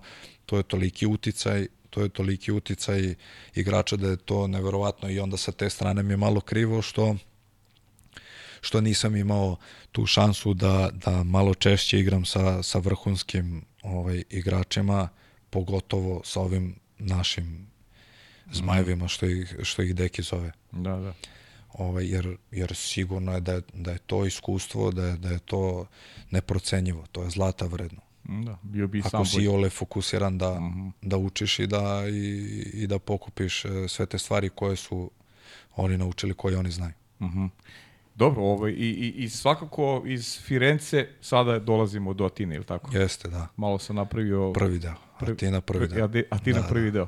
Panathinaikos. Jeste, da. Znaš, danas kad bi mi, evo, sad recimo danas da mi kažeš Panathinaikos, znam koliko Grci da. ovaj, uložu i koliko ovaj, waterpolo nije, napreduje. A nije basket Panathinaikos. Nije, nije basket, da, waterpolo, da. Ali dobro, ali... Malo pa, manje se ulaže u waterpolo. Malo manje, da, ali, ali znam da Grci sad konkretno, ovaj, Liga im je jaka i ima tu jest. više klubova koji, koji zaista ulažu. Jeste, ali više i tu sam promašio tajming. I tu si promašio. Grč, pa, Grci zato, sad, zato ti kažem. Sad Grci ulažu, a ja bio kad je bio kikiriki. Kad su, ta, kad su odlagali. A, da, da. A, šalim se. Ne, o, e, kako se desila ta Tina? Pa, a Tina se desila na, na predlog e, Dekija Savića uh mhm. -huh. i ja iskreno ništa nisam znao o toj ekipi, najiskrenije. Nisam znao ni ko je trener, nisam znao ni, ni ko igra, nisam znao ništa o, o ligi o, u tom momentu. Uh -huh. e, u tom momentu je Panathinaikos e, te sezone tek pravio ekipu. Godinu dana pre, sad opet ne mogu da tvrdim, ali mislim da su ne, bili su, bili su u prvoj ligi, ali nisu imali nešto naročito jako ekipu. I onda su te, to leto su pravili uh, malo zbiljniju ekipu i to leto je, uh, je direktor Da, direktor kluba je bio Jorgo Safrodakis, rođeni brat Hristo Safrodakisa, koji je trenutno direktor Apolona uh. -huh. i on je čovjek ultra ambiciozan i on je te sezone uz pomoć naravno predsjednika i još nekih ljudi pravio, pokušavao da napravi malo zbiljniju priču i malo zbiljniju ekipu, e, ne bili e, pre svega napao drugo mesto, da pokuša da skine Vuljagmeni i da se tu približi koliko je moguće Olimpijakosu i oni su u tom momentu doveli uh, 3-4 uh, poprilično kvalitetna grčka igrača, ali ja kažem iskreno nisam, ja njih nisam poznao sve do momenta dok nisam došao tamo. I trener je bio Teo Lorados, uh, to je onako verovatno za širu javnost malo nepoznat trener, ali on je on je čovjek koji ima izuzetno znanje. Na kraju krajeva me kaže meni kad je Deki predložio to, rekao mi je malo ćeš više da plivaš, al kao kod njega, al kao bolite uvo kao vrhunski je trener. Uh. -huh. I ovaj i kažem ja sam ga poslušao tada, otišao i ja stvarno ja sam se oduševio. Uh. -huh. Oduševio sam se načinom rada, pristupom treningu, uh, neki novi način razmišljanja što se vaterpola tiče, recimo Uh, ne znam sad ako ulazimo u detalje recimo kod njega igrač, Može, igrač recimo igrač više kod njega nikad nije 90% trenera ima svoje akcije ima 1 2 3 4 5 nebitno 6 A B C D nebitno. On nikad nije imao akciju on je on je čovjek nas terao da razmišljamo. -hmm. i sada kroz neki razgovor sa njim uh, on je svestan. On kaže ja znam da mi nismo Proreko nismo Breša nismo Barceloneta i tako dalje nismo na tom nivou taktički, tehnički, ali ja moram vas kao da naučim da vi razmišljate. Uh mhm. -huh. On je čovjek, su, ovaj, on čovjek se bazira na tome da igrač e, se razvija najviše u smislu kada e, mora da prepozna situaciju, recimo sad sa igračem više. I mi nismo imali akcije, kažem, brojeve, to je sad, to uglavnom, to ide lopta i traži se rupa, po znacima navoda, igrač igrači moraju da prepoznaju gde je rupa, gde je najslabija karika i, i kao u, to, sam, u tom se trouglu rešava.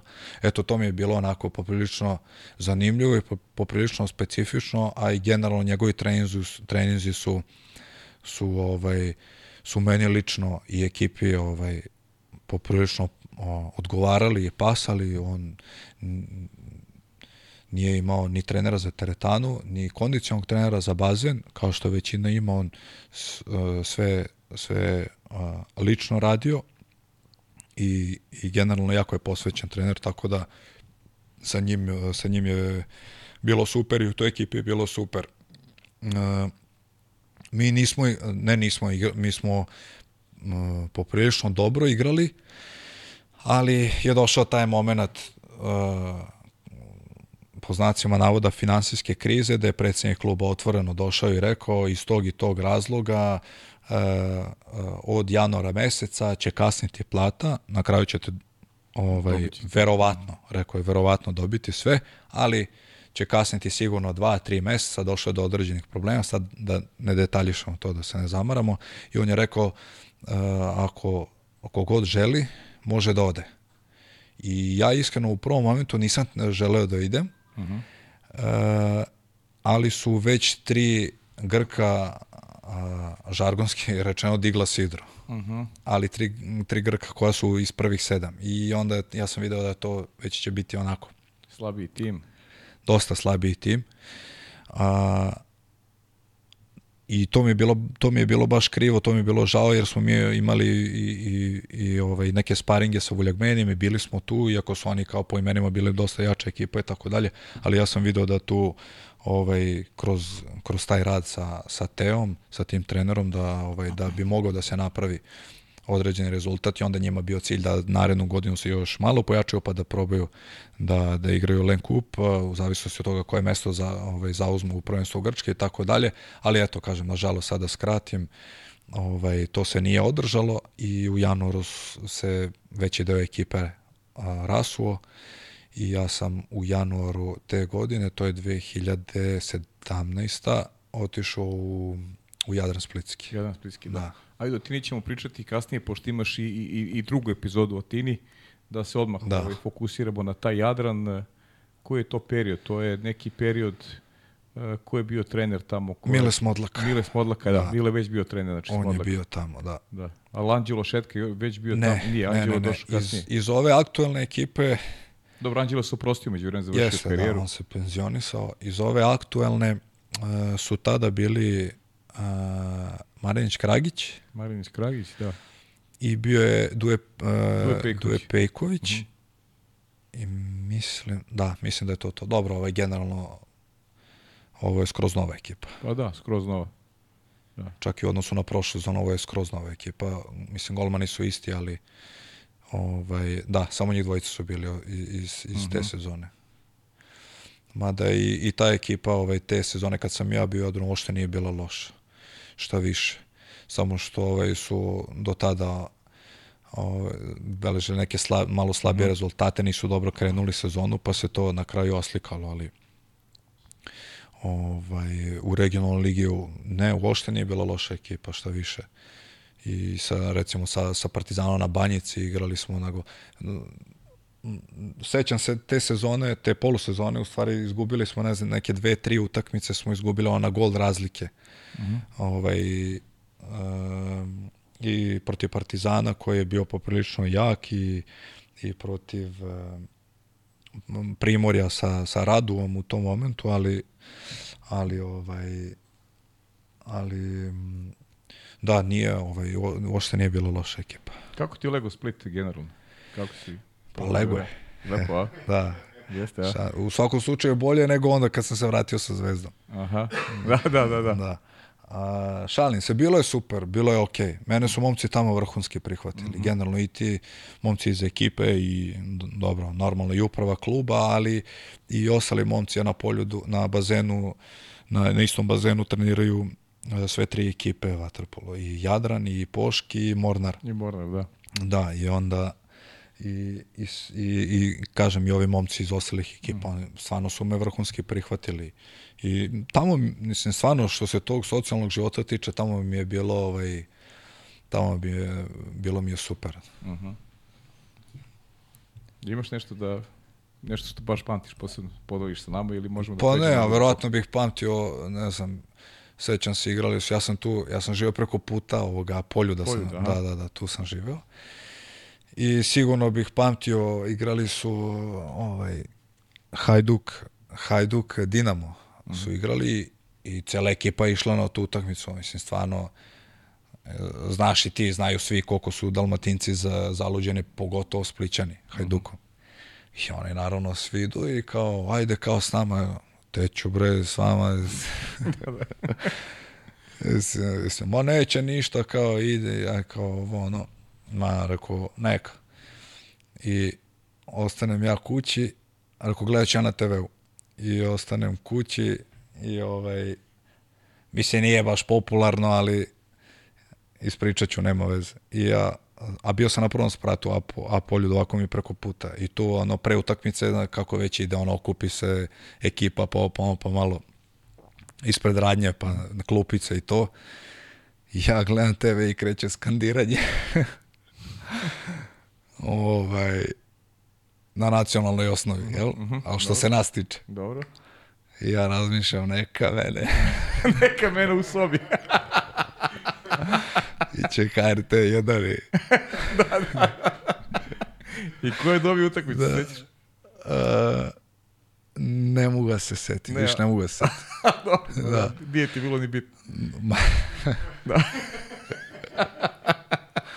Ja dva put bravu. Da, da.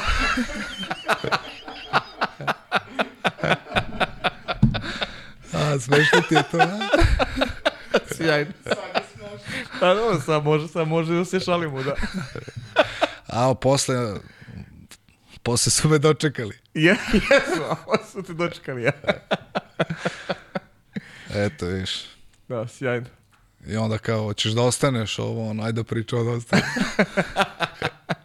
Ozbiljno. Da. Da, bilo je, bilo je, bilo, bilo je priča. Mislim, oni su stvarno bili prezdoljni. Uh. -huh. I ja sam bio zadovoljan, stvarno sam bio prezdoljan i, i tretmanom u klubu i, uh mhm. I ovaj i uslovima generalno i ovako i što se tiče rada i svega Mile, Mile je kralj, Mile Smodlaka je stvarno... E, to svi, bo, mnogo bi žao, još nisam imao priliku još, Ako a želim da ga... ikad budeš imao priliku, ne, želim, obavezno. Da, da, da. Mm. Ovaj, i, i ovaj, to stvarno što se toga svega je bilo super, ali... Mm, da. Ove neke sporedne stvari. Da, da. da mislim, bez, mislim, ono, nažalost. Da, dobro, znači Mile, Mile je onako, to svi pričaju za Mileta da je, da je, ovaj, da je fantastičan ovaj tip. Jeste, jeste, stvarno, stvarno je, stvarno je ovaj, onako prirodan. Uh mhm. -huh. Prirodan, a, a Waterpolo drži u malom prstu. Da. Da, pogotovo... Da, bio, i, bio i vrhunski igrač. A bio je, da. Pogotovo za rad sa centrima, to je, to je suvo zlato. Pa evo, ovaj Antonio Dužević, mali, mislim, mladi sada, on je, on je na vratima reprezentacija, jest, sigurno jest. da je Mile ima najviše uticaja na, pa, na njegov razvoj. Sigurno, da. da. bili su zajedno, Mile ostao i kasnije još naredne dve, tri sezone, čini mi se. Pa da, Mile, šta je, Mile je otišao prošle godine, Možda i duže. sezone i duže. Da. Prošle godine je Jure Bila Marija je tu neka pauza, mislim, uh, Mile je tad bio kad sam ja bio, pa, Imao pauzu. pa je imao pauzu, možda godinu, sezonu, pa se vratio. Mislim da je tako nešto bilo, ali, ali ovaj, si, mislim da, je- da je vezao jedno, jedno tri sezone. Mhm, mhm. Dobro, ti si praktično tih šest meseci si bio u Splitu i rekao si već, bilo je pregovora, međutim, vratio si se u Tinu. Je li tako? Jesam, da. Ali ne u Panathinaikos, Ne u nego Pana- ideš u Voljagmeni. u- To je sad priča Afrodakis i... Jeste, jeste, da, da, da, da. Hristo Afrodakis je i dalje ovaj, Igrao. aktivno igrao, da, i bila je poprilično dobra ekipa. Ovaj, doduše bio sam jedini stranac, ali ovaj, generalno to nisam istako i dok sam bio u Panatinaj, i dok sam bio u Panathinaikosu i, i u Voljagmeniju posle o, socijalni život je bio ono baš na nivou, mislim. Mhm. Ne samo što je grad takav kakav je, da, Tina je mislim, Atina to ovaj, e, koju svi hvale, ali generalno men, meni mentalitet e, njihov je, je legao 100% i, i ja tvrdim da su oni najpribližniji nama i Mhm. što se tiče stila života, to je kafa, to je Mhm. dobra klopa, to je da se malo izađe, da, da se ode, da se isprati, e, da se isprati i drugi sportovi, i futbal, i basket, i, i, i vaterpolo na kraju krajeva, tako da ovaj, stvarno mi je bilo super tamo. Vuljogmeni, kao Vuljogmeni, e, iskreno najviše me privukao jer su imali poprilično ozbiljan projekat i želeli su da, da naprave iskorak u Evropi i, i ja smatram da su imali e, da smo imali ekipu za to ali smo poklekli odma u prvom a, u prvom krugu ili prvom kolu kako god. Za nas i posljednjem kvalifikacija za Ligu šampiona gde tad je bio sistem ko, mislim četiri grupe četiri ekipe prve dve prolaze ove druge dve koje ispadne, is, ispadnu ispale su znači ne igraju Len Kup i nama se to desilo to je bila to je bila Oradea i i ispostavi se na kraju da je nas Crvena zvezda izbacila Aha. te sezone. Bili smo mi Oradea zvezda i, i Sintez.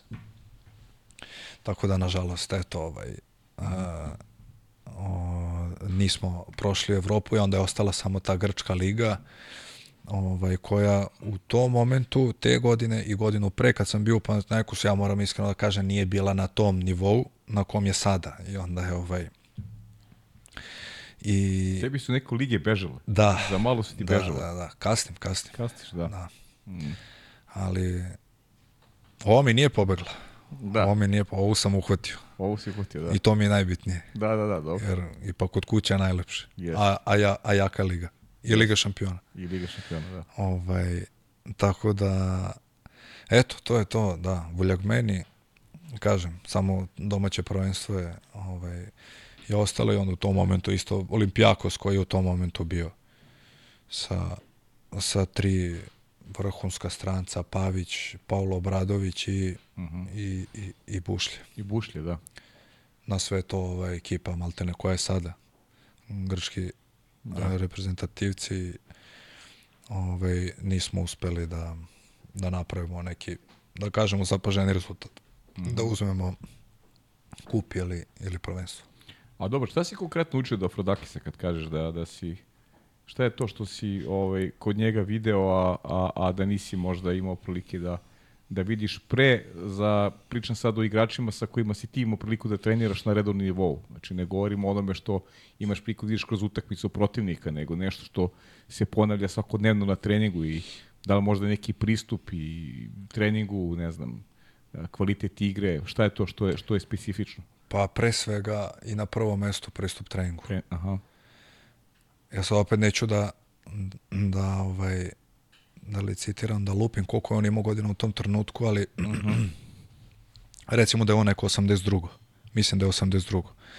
A to je bila 2018, uh, 2017. 18. Nebitno, čovjek je bio u poznim godinama, a pristup treningu, to je nevjerojatno nešto. Znači, o, mi smo e, tada u Vuljagmeniju plivali smo po dužini, to je pakao za svakog igrača. I to je, i, i i sama pomisla na to se pliva po dužini, to je, to je ono, to je nešto što budi nelagodu. On mhm. čovjek dolazi svaki taj trening, šta god da se pliva, da li po širini, da li po dužini, koje, koje god da su vremena, šta god da se radi, nebitno da li je plivački trening, da li je tehnika pokreta, da li je tehnika sa loptom, da li je bez lopte, da li je šut, slobodan šut, šut sa zadacima, taktika, uopšte nije važno. On čovjek radi sve 100%. Mm -hmm. Mislim, u tom trenutku to je na neki način bilo nešto novo za mene, ali i nije, jer kažem, prošao sam tu školu Vojvodine, ne samo školu Vojvodine, nego i, i reprezentativne selekcije juniorske i sa Dekijem i, i posle Dekija dva leta sa Dekijem, čini mi se do tada i, i jedno leto sa, sa Vladom Vujesinovićem koji isto imao neverovatan je ostavio utisak i uticaj uh -huh. na mene, ali s druge strane mi je bilo i, i i fascinantno da čovjek u tim godinama taj pristup treningu ima i da dolazi ono i po pola sata, 20 minuta sigurno pre i guma i stezanje i ovo i ono i na kraju krajeva i, i sam shvatiš zašto ti igrači toliko traju i zašto igraju na tom nivou na kom igraju uh mhm. -huh. godinama. Uh mhm. -huh. I zašto beleže te rezultate koje beleže.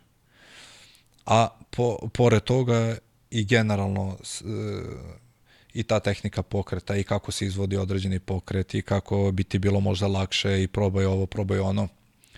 Ove, opet s druge strane svi su, jesmo sve to individualno, ali, ali to što, što, što ti igrači tog vrhunskog nivoa i kvaliteta mogu da, da ponude i posavetuju, mislim da to teško neki igrač može sam da, da shvati.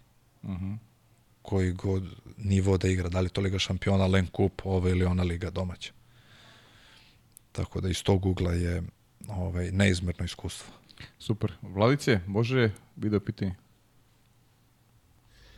E, dobar dan, pozdrav za sve u studiju, za tebe Pajo i za vašeg današnjeg gosta Dušana.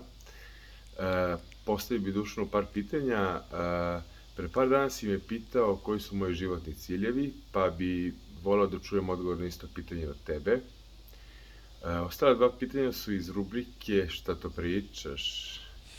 Prvo bi bilo, da li je istina da si zabranio Lukasu i meni e, da se vozimo u tvom skupocenom automobilu na putovanja, jer je potrošnja goriva znatno veća? A drugo pitanje bi bilo, Da li je istina da si promenio cimera za ovu sezonu jer si čuo da Marko Radović uvek nosi keslot kiša sa, sa sobom na putovanja? Veliki pozdrav, ćao. Jogi egzotika. Ja, pa da, pa da. Ovo je sa Maldiva nešto. Da, sa Maldiva. Ti odranio ovo poslo ili? Poslo mi pre šest meseci. E, pa to je to onda. Da, da. medeni mesec. Meni jeste, jeste. ovaj, prvo pitanje, koji su mi životni ciljevi? Tako. A iskreno, možda je, zvuči kao kliše, ali stvarno to mislim, e, stvarno mi jedan i, i primaran životni cilj e, zdravlje porodice i sebe. I stvarno je to tako i ovaj i težim i ka drugim stvarima i, i ovim i onim i materijalnim i nematerijalnim, ali stvarno mi je ovaj, životni cilj i samo da, da to opstane uh, na, na ovom nivou kao što je do sada, -hmm. da, ovaj, da i zdravlje da je uvek na prvom mestu i ovaj uh, i onda je dalje sve sigurno da je, da je sve dosta lakše. A drugo A, drugo pitanje što se tiče prevoza i rubrika, toga. Rubrika, da. rubrika. A, rubrika, što to pričaš? Da. A, um, za, nije da uštedim na gorivu, nego na amortizaciji. Znači, to je prvo. Na amortizaciji, jasno. Jer prošle sezone desilo se, par puta smo išli ono, u svojoj režiji. Uh -huh. uh, do Kragujevca, da, uh -huh. Kragujevac, Valjevo, uh, mislim Kragujevac dva put Valjevo, ovo ono, I meni zapadnu, ja sam vozio svaki put, a nisam najmlađi. Mm -hmm. I meni zapadnu jogi, Selo. nećemo licitirati ovu kilažu, kilometražu. Kilometražu. uh, seman, jogi i Bani Banićević u tom momentu koji nije da. perce. Uh mhm. -huh. I ovaj i mi odemo do Kragujevca, ništa odigramo, ne znam šta je bilo i vraćamo se i sad idemo izlasku iz Kragujevca, aj patrola iza. I oni, da, da, da, stanite sa strane, ja stane. Izađite zavisi, gospodine, šta preuzite u Gepeku, šta preuzim u Gepeku. I ja otvaram Gepek, ono, pa nema ništa, se sportski rančevi, mi sa utakmice, pa šta vam je zadnjak, a ne vidi se nazad, on sad sa lampom, ali ne vidi se nazad, šta je tu na zadnjoj klupi, pa kao zadnjo, šta vam je Lego tako auto, kao, gospodine, izvolite, pogledajte, molim vas. I, imam tonu jednu Imam... automobilu. imam tonu, ali nisam pošao na poljoprivredni sajam. Izvolite pogledati ova dva mlada bika na zadnjem sedištu. On čovjek kada je pogledao, da. izvolite. Doviđenja. Doviđenja pre, srećo put. A jogi. Ma šta to pričaš? A si imao rezane gume? Ima si vrat. Mora si sve četiri poneseš. Ma ne pomaže tu prijatelju. Ništa, a? Ne, i onda, i onda sam rekao, pošto Seman ima kombi, znaš. Aha. Seman je došao kombijem, ovaj, minibusom je došao za, za Beograd. Čuvena Seat Alhambra, to izgoogle slobodno. Da vidiš, tu staje komotno 6 do 8 ljudi. Sad zavisi od konstitucije, onda sam rekao, Luki, tvoja sledeća sezona. sledeća sezona. Ako bude trebalo da se ide Ako, ovaj, ličnim prevozom. Ne, ne, to. onda sam, a pošto se ovi ostali, ovi drugi se naprave, znaš, sad prave se, prave se ono naivni i onda ne znam, čuveni Balša Nikolić, razumeš, ovaj, što je pomoćni trener, fizio i to, on uzme ovu laku konjicu, uzme, uzme klince, ne znam, Gajića, uh, malo grelju i, i, i miksu drugog golmana i njemu u kolima ono sve ukupno 100 kg. Pa 120. A ti Vaske ti ovu, ovu tešku konjicu. A ja to nije ni nije to konjica. Sad. Dobro. Više teška nego konjica. a čekaj, šta je sa... A šta je treće pitanje? Pa cimer. A cimer? A, moj cimer ove sezone je simpatični Marko Radović. Uh mhm. -huh. I to nije, nije zbog uh, Kesesa, Kesesa. To je istina, to, to je istina da, da Mare uvek ima u rančiću. Uh mhm. -huh. To je ranac, ona ide mantil, ide peškir, gaće, papuča, ono, i onda ovo što ostane lufta, to je... To kiši. Ovaj, da. Ali nije zbog toga, nego više zbog toga što je Mare najpedantnija osoba muška koju sam ja upoznao u životu, a pritom je ono, stvarno fantastičan momak.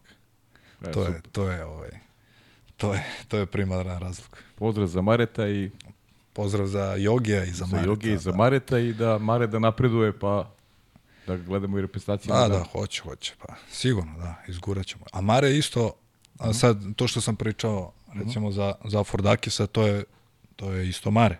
Mm.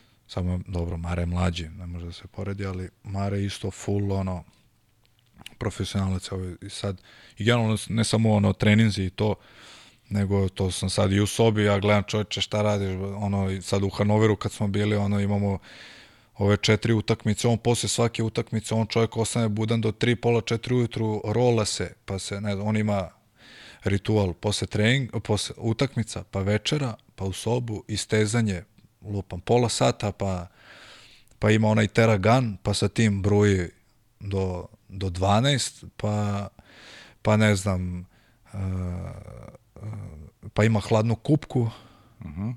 Da, da. Ko bi rekao?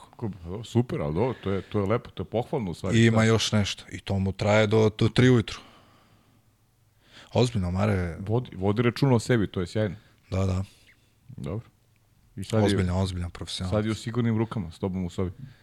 Pa dobro, da. Da, Kako dobro. Dobro, dobro. Ovaj, hoćemo ti ni još nešto, ajde, da, da, da dok ne pređemo na ovaj dalji, ovaj, e, dalji tok tvoje karijere, a Tina onako Rekao si, manje više svi koji ste bili ovde, a Tina vam je stvarno svima nekako posebno... Ovaj, a ne znam, Tina je stvarno... Za život da. i... A šta si pa što si igrao za Voljak meni, mogu si onda da biraš. Šta si radio sam što si igrao? Verujem da si gledao Olimpijakos ili tako, a? a... Olimpijakos bio izbor tvoj, ja? Da. Kako ti zvezdaš? Da, da. A? Mm -hmm. Da, da. Da, to ni, nisam mogu u onom prvom, u prvom... U, pa, pošto si igrao za da, da, da, iskreno, da, nisam mogu. Pa da. A u tom prvom delu kad sam bio u Panathinaikosu, onda sam ovaj, iskoristio priliku, igrali su u Panathinaikos Zvezda uh -huh. u Atini i onda sam ovaj, otišao kao jedan gledam Panathinaikos, Zvezda kao srpski klub, a u stvari Zvezda svaki put kad trojčicu ubaci, a ja dole ovaj, Rad, ta, raduješ se u sebi. Da, da. Ovaj. I re, bio sam to gledao, bio, bio sam, mislim da sam čak bio na dva derbija Olimpijakos Panathinaikos, da. Basket. Basket, da. Ali to sam, za kada imali smo trening uveče i bilo mi je knap i čak sam imao i dobru kartu, neku propusnicu sam imao sa ovim drugarima, ali smo zakasnili to. Oni napune, napune halu 45 minuta, sat vremena pre. I, i džaba tebi, mi kao, kao, kao druže, kao pa imamo propusnicu, kao to je to mesto ovom kao obezbeđenju. Govori on, odavno je to prijatelju numerisano. da. Kao imaš, imaš tamo i onda smo, ono, seli smo neki, ovaj, nismo ni seli, stajali smo, svi stoje.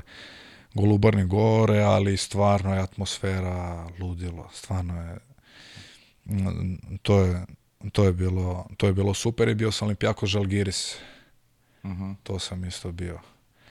I bio sam i futbal, ovu grčku ligu, mislim da oni doduše možda Olimpijakos igrao Evropu, Ligu Evrope ili Ligu šampiona, nisam siguran, ali, ali sam bio sa, bio sam samo grčku ligu futbal i, i, i basket sam bio, basket obožavam, recimo basket pratim već godinama unazad Evroligu pogotovo. Mm. Znaš kako, to je, ne voli da vam oduzimam vreme od, od emisije, ali uh, eto, nisam imao, nisam pričao o tome koliko su koliki su Grci fanatici, možda to da. rivalstvo i gore nego naši. Ja sam 2004. godine bio Atini na olimpijskim igrama i sećam se kolega Miloš Ranović, ja ulazim u taksi i taksisti onako čestitamo titulu prvaka Evrope u futbolu i on počne priču kako je to najgori futbol koji ikada video, da je to nešto što je neprihvatljivo, da mi slušamo, ne možemo da verujemo. I onda dolazimo do poente devet igrača se u timu, on najvio za Olimpijakos. A, to ti je to. I on čovjek ne priznaje tu titulu prvaka Evrope. Jeste. E, a, meni se, mislim, desilo. Imao sam situaciju u Panathinaikosu kad sam bio te sezone i išao sam pa, na tu utakmicu na, na Panathinaikos e, zvezda i ja mm -hmm. sam i bio sam ono, kao što kažu, civilki sam bio obučen, mm. nisam imao obeležen, obeležen da. nijednog kluba, a sam imao crvene patike. I ja sad idem sa, sa ova tri Grka, idem do... A još ona me, oni meni pokupili me kolima i oni meni, kad su videli da kad sam čekao pored kao na putu, i ja ulazim u kola kao, brate, kao da ćeš ti sa, sa crvenim patika. Ma, rekao, ma daj. I oni me ceo put me turiraju, da, ma gde ćeš se, pa kao daj, izuj se, daj, imam ja papuče u gepeku, ovo, ono. Ma, rekao, daj, beži. I mi sad idemo ka hali, tamo ono, proliš prvi prsten, drugi prsten, kao ono, bez, I sad ja vidim, mene svi gledaju.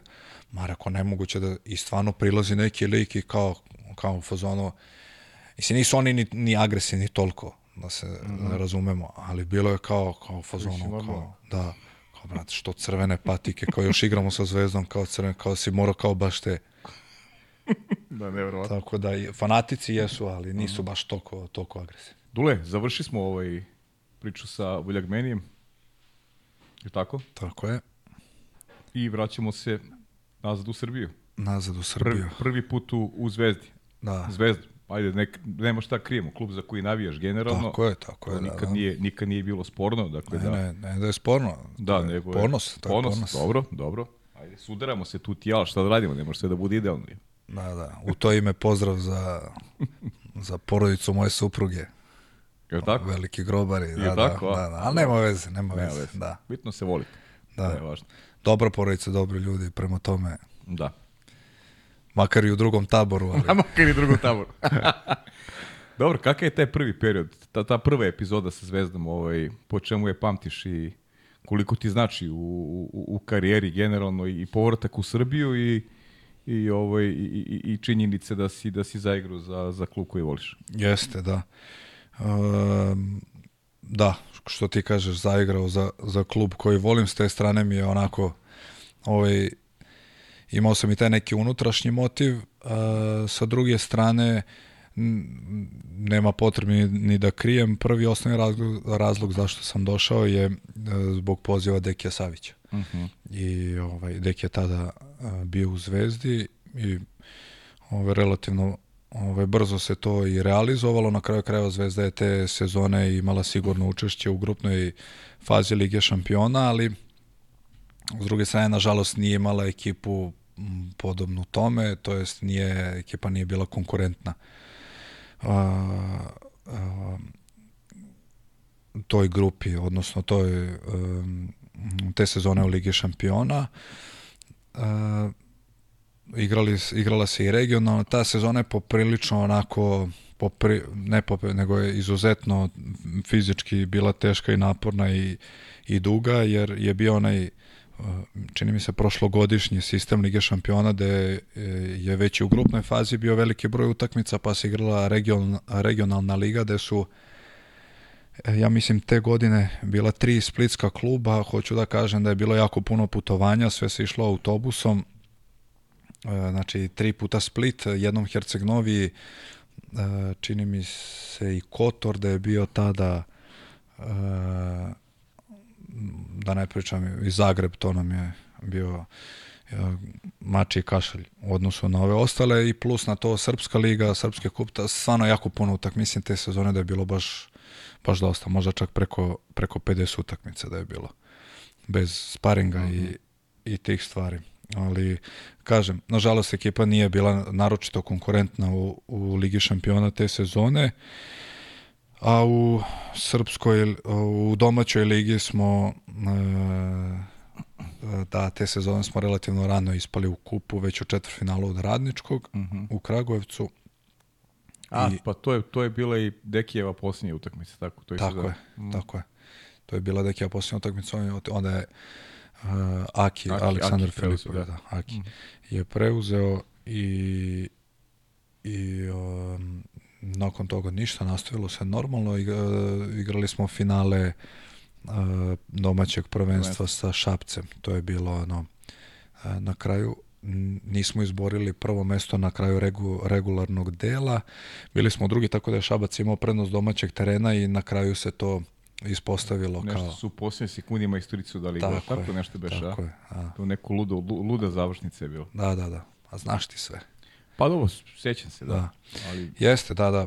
Prvu utakmicu su, su nas dobili u Šapcu, drugu smo mi dobili u Beogradu, treća je bila u Šapcu, to je bila baš onako paklena atmosfera. Generalno u Šapcu je uvek, -hmm. uvek uh, bučno, ali ta utakmica je bila specifična jer su bili naši navijači, bili po, o, organizovano su došli. Došli, aha navijači, čak je bio i mini incident, e, tu utakmicu, eto to je malo ostavilo Gora Kukus, bila je prekinuta utakmica, da li će se nastaviti, da li neće.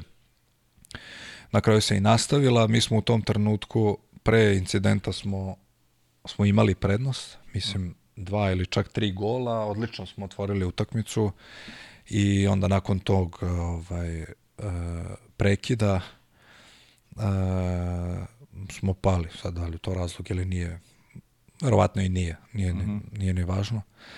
A, I na kraju smo izgubili poslednjim golom a, iz igrača manje, Dragoljub Rogač sa desnog krila. Još jedan dovoseđen. Rešio. Je tako? I on da, nešto beše jeste, jeste. u Novom Sadu ponekad. Jeste, da. da. Mm. I eto, to je, to je ta to je ta sezona, da. Kako su ti, ono, deki? Ajde, to me zanima. Saradnja sa dekijem. Kakav je Deki? A Deki je jedan malo više nivo, stvarno. Uh mhm. -huh. Pogotovo, to se, već se videlo, ja sam sa Dekijem prvi put sara, uh, sarađevao, ili kako god, 2010. godine bio je, uh, bile su uh, pripreme juniorske reprezentacije. -huh. Deki je tada još uvek igrao, mislim da je tada bio u Zvezdi. Jeste, se, juni to, Jugoslav. To, to, je njegova, to je njegova posljednja, posljednja ovaj, sezona. Ili pretposlednja. Možda poslednja. Nisam ja mislim posljednja, pa je posle toga postao trener. Moguće. U, u suštini, on je on je tada još uvek igrao, a bio je ovaj prvi trener juniorske reprezentacije, to je 93. godište, mm -hmm. 93. mlađi i on nas je vodio naše prvo evropsko naše prvo evropsko u Stuttgartu, te to leto. Uh, nije da smo napravili rezultat, s obzirom uh, da Srbija uvek cilja na zlatnu medalju, mi smo bili četvrti, tako da je to bila mini katastrofa, ali već već nakon dve godine, jer 2011. nije bilo ništa, 2012. je bio Kane. To je ovaj, isto bilo evropsko, isto je Deki vodio, tako da tu smo igrali finale sa Italijanima a, i nažalost nismo pobedili.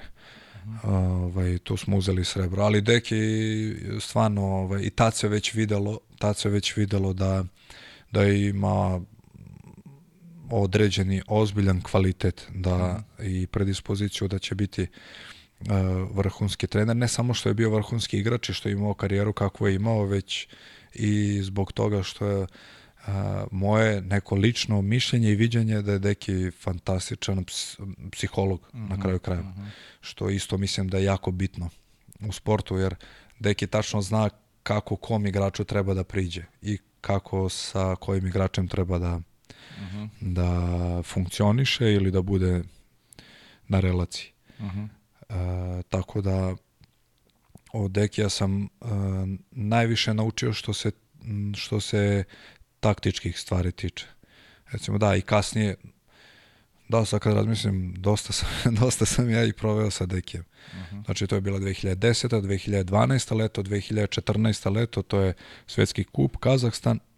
Uh, i 2017. godine univerzijada, to je sve on vodio, tako da ovaj, i taj deo Zvezda i prošle godine Zvezda. Da, i prošle godine Zvezda, tako da, je. tako da... Pa da, ti u suštinu, eto, koliko puta na, na, njegov poziv si jest, dolazio. Da, da, da. da, da Više puta na njegov poziv si dolazio, da. Da.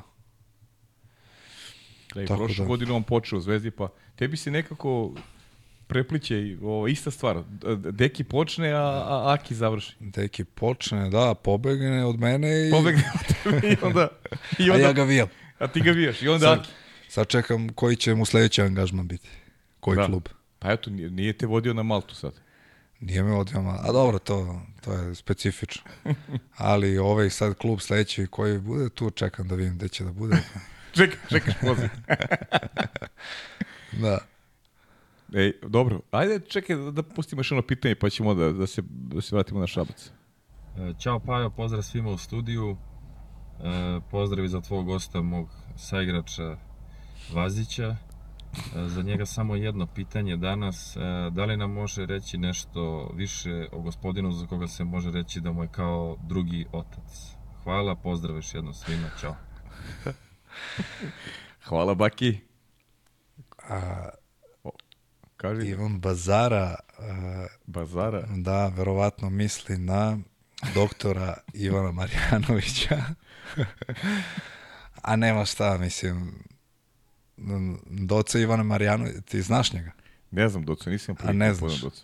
I, I ako bude želio, ja bih ti preporučio isto Docu da pozoveš u emisiju. Hoću, Doce ako, ako živa tako, enciklopedija da. i jako je dugo sa jako je dugo u Vatrpolo Savjezu Srbije, jako je dugo sa, i sa reprezentacijom i bio je pre toga sa, sa, sa, i sa juniorskim uh mhm, -huh. selekcijama. selekcijama. Da, i, e, i ja mislim da sam prvi put oca upoznao 2010. to za Stuttgart, ako ne, onda 2012. ka ne, to je sigurno. I od tada, ja ne znam, on je mene toliko zavoleo da je to, to je strašno nešto, to je nevjerojatno. I on ide, i on meni lično priča i ne znam, i ti si moj omiljeni, ti znaš, ti znaš ovo, ti, ti si moj omiljeni, ti si, ja sve za tebe, ja ovo, ja ono. I to, a što meni pričaš, čovjek kako priča svima, svima. ostalima, da. Aha. I sad recimo, ne znam, te, bilo je situacija, recimo 2015. leto, 2016. ja nisam bio pozvan za, za, za na pripremne reprezentacije, on dolazi ili ne znam 2018, nebitno. I on dođe Dekiju Saviću i kaže, je li Deki, da te pitam nešto? Jel može svaki član stručnog štaba ili saveta da urgira ili pozove za jednog igrača? Da on pozove jednog igrača. Kaže mu Deki, ne može. Znam koga hoćeš, Vasića. I to je više puta bilo. I onda, i onda, i onda smo se šalili ovaj, a mnogi su ljubomorni zbog toga, razumiješ? Pa evo, možda bazara. Ne, ne, ne. Ima jedan. Ima, ima jedan, jedan, da, da. Ovaj, a sad generalno, ali Doci Ivan Marjanović, on ti je ono, u tri ujutru da ga pozoveš, ne, ne samo, ne samo kome god, svima, on, on bi ti pomogao u pola noći. U pola noći bi ti pomogao, šta god da ti treba, on, on je tu, stvarno je ono, neverovatno i to se ispostavilo više puta, ne samo u teoriji, već i, ovaj, i u praksi, a nekim primjerima. Stvarno je ono, ovaj, nevjerovatna energija jedna i nevjerovatan čovjek. To, ja ti, ja, to je moj predlog, ako budeš imao ikad prilike, usvojam predlog samo, tamo malo mene da ishvali sam, to da, i da okay. pričam. Ali, samo ukoliko bude želeo, je ništa Da, sporo. naravno, naravno. Ovaj, I bilo je to i onda smo se šalili, ja kažem, dobro deki, ja se vas je pitao Kembeta. Pitaću ga. Pitaću ga ozbiljno. I onda smo bili u Podgorici, ono prošlo za onaj svetski kup i tamo smo se sreli. E, omiljeni moj, pitao sam ga. Pita i Kembet. jako. I tako da, ovaj, da, to je Doca Marjanović. pa ništa, Dule, šta ti kažem, znači, sledeći korak je da, da zaigraš za reprezentaciju. Ako budem ikad zaigrao ponovo, to će biti zbog Doca zbog... sigurno. Dobro, za sada, si, za sada si u Gruziji, ajde vidjet ćemo šta će biti dalje. A kaži mi ovaj taj šabac. Ovaj, to je, nakon što si izgubio titulu sa Zvezdom, ti yes. ko veliš, ajde da idem tamo gde, gde je osvojena titula. Mm, pa ne, nije, a viš, čime se baviš sad. Nije, nije, nije, nije, mi, mislim, s druge strane, i jeste bio prvi motiv e, šampionska titula. Ja ne krijem, meni i dalje motiv da osvojim uh, ovaj, titulu. Uh, da, titulu u Srbiji i verujem da će se to ostvariti i, i, i te sezone je, je, je motiv bio baš taj, primaran, da odem i da probam da, da osvojim, ali eto, te sezone se desila korona. Uh mhm. -huh. Ali ovaj, sezona je trajala do februara, uh, a Šabac kao Šabac, ja stvarno moram da, da istaknem i da pohvalim generalno organizaciju tog kluba, pogotovo rad sa mlađim kategorijama, rad sa prvim timom, uh, uslove u kojima se trenira u tom klubu, to, to je stva, ali najiskrenije to je to je prava redkost da, da jedan klub tako funkcioniše. Mm -hmm koji su razlozi, ja stvarno ne ulazim da li je to zbog manje sredine, da li je to zbog, jer je manja konkurencija ekipnih sportova, kao Beograd je veći grad pa ima više e, ekipnih sportova koji imaju beleže bolje rezultate. Ne, stvarno ne ulazimo u to, ali ono što što taj klub radi, što to uh, rukovodstvo radi, treneri generalno kako rade sa mlađim kategorijama, to je to je nešto fascinantno. I ja verujem da svaki klub u Srbiji treba čak i u regionu da se ugleda na na, na Vatrpol klub Šabac kako, kako radi i kako funkcioniše i to se na kraju krajeva i ogleda u rezultatima, pogotovo mlađe kategorije u prote, proteklih par godina. Uh -huh, uh -huh. Stvarno, stvarno, uslovi su fenomena, fenomena. I što se tiče termina bazena i što se tiče uh, i teretane, uh, generalno uslovi za rad, kažem, uh,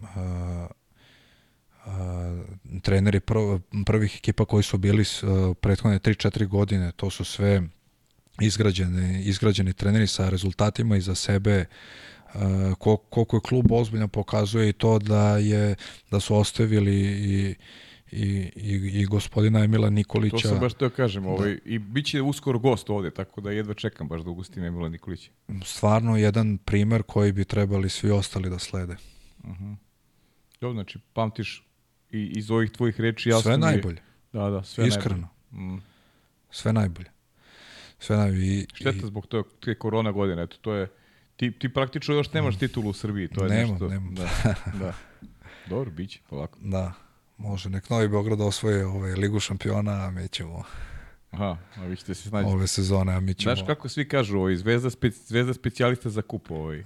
A, znam, to je već Ja, ono, priča dugo, ali vreme na, je... na jednu da- utakmicu, na jednu utakmicu Jeste, možda da. padne svako.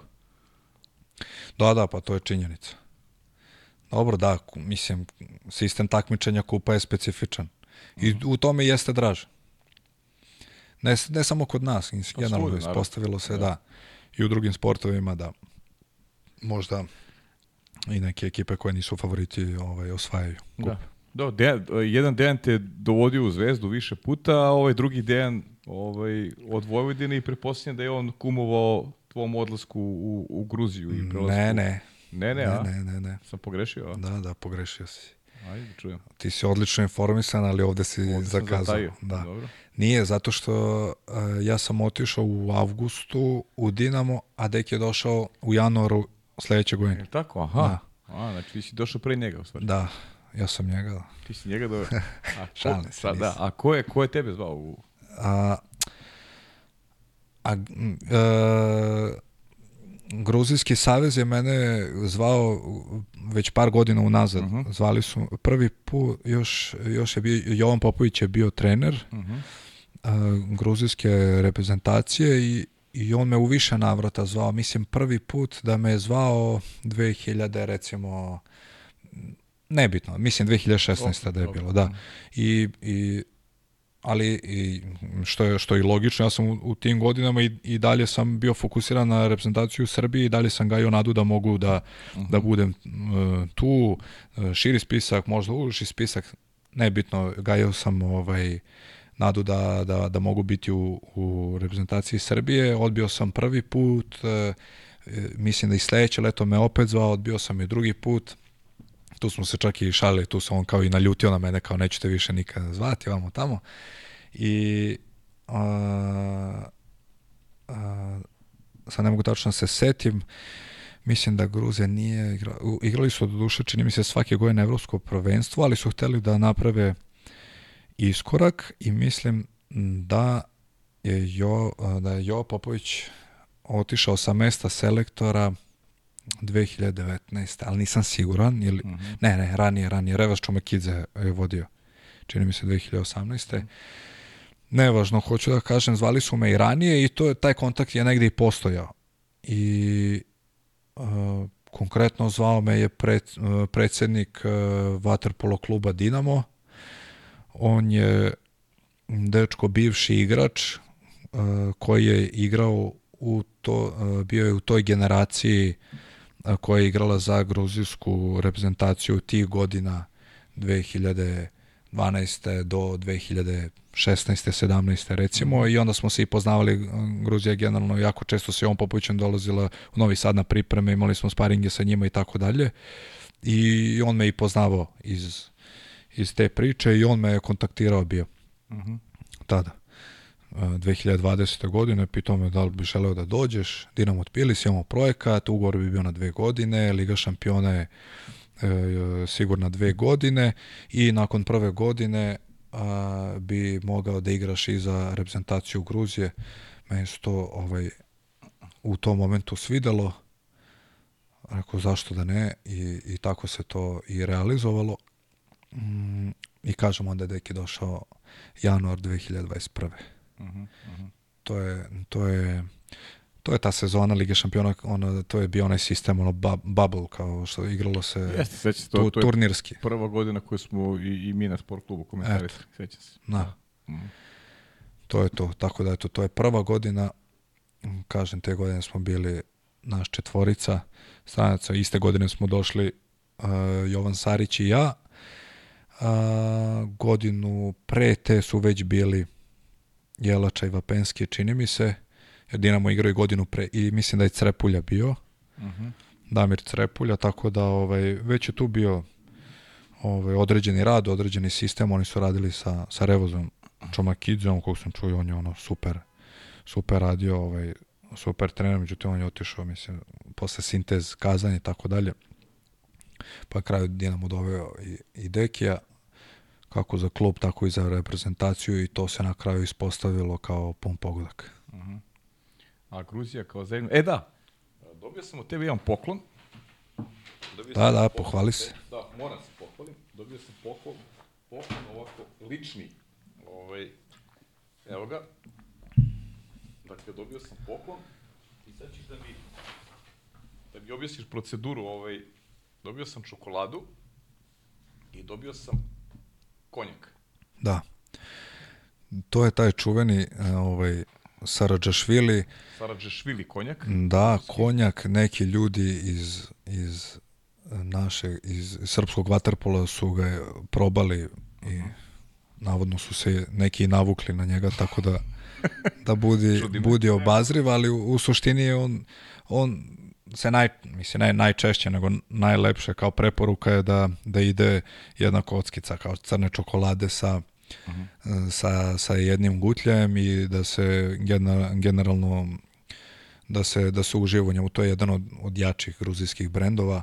Uh -huh. Mislim da je, da je prvi put destilerija otvorena nešto tipa 1888. Iš, išli smo, da, išli smo u, u, u fabriku njihovu ovaj, u, u Tbilisiju, pa bilo malo priče i o tome tamo, tako da ovaj, stvarno je stvarno je ovaj vredan, vredan svakog da šta? probanja. Ne pijem, ali ovo ću morati probati. Pa ja bih ti preporučio, da, u svakom slučaju. Da, ne, ne da Bilo bi šteta da... Ne, ne smije da te razočaram, znaš. I, i javljam, javljam ti utiske. Hvala ti. Obavezno. Javljam ti utiske. Slušao sam ovde ovaj svašta, ovaj, ne znam za, za vina da su, da su Vina su im vrhunska, da, da. Vina su im vrhunska. Stan, uh, mislim Stan, Dejan Stanović kad je bio uh -huh. ti je mhm. pričao nešto više Priča i kako se pravi vinima, tako jest, dalje. Jest, sad, prič, da, ja, da, da, ne ulaziš u detalje da, da priča. Ne dojem u tome. Pa pričao i Nika je bio takođe, Eto, pa i on pričao. Jo, mislim da i njegovi Njegov, imaju čak i neku je, mini vinariju imaju, i tako imaju, dalje. Da, da. On, oni prave svoje vine. Jeste, da, Gruzija generalno je on, po, ne poprilično, nego izuzetno poznata u, u, u, u svetu vina. Uh, išli smo i mi, on, o, išli, bilo je neko kao druženja, neko vikendici kad smo bili tamo u Gruziji, ta druga sezona, pa u ta, ta regija Kaheti, pa smo ovaj, na, navratili u neku mini, vin, mislim kao vinariju, jel, ima mm -hmm.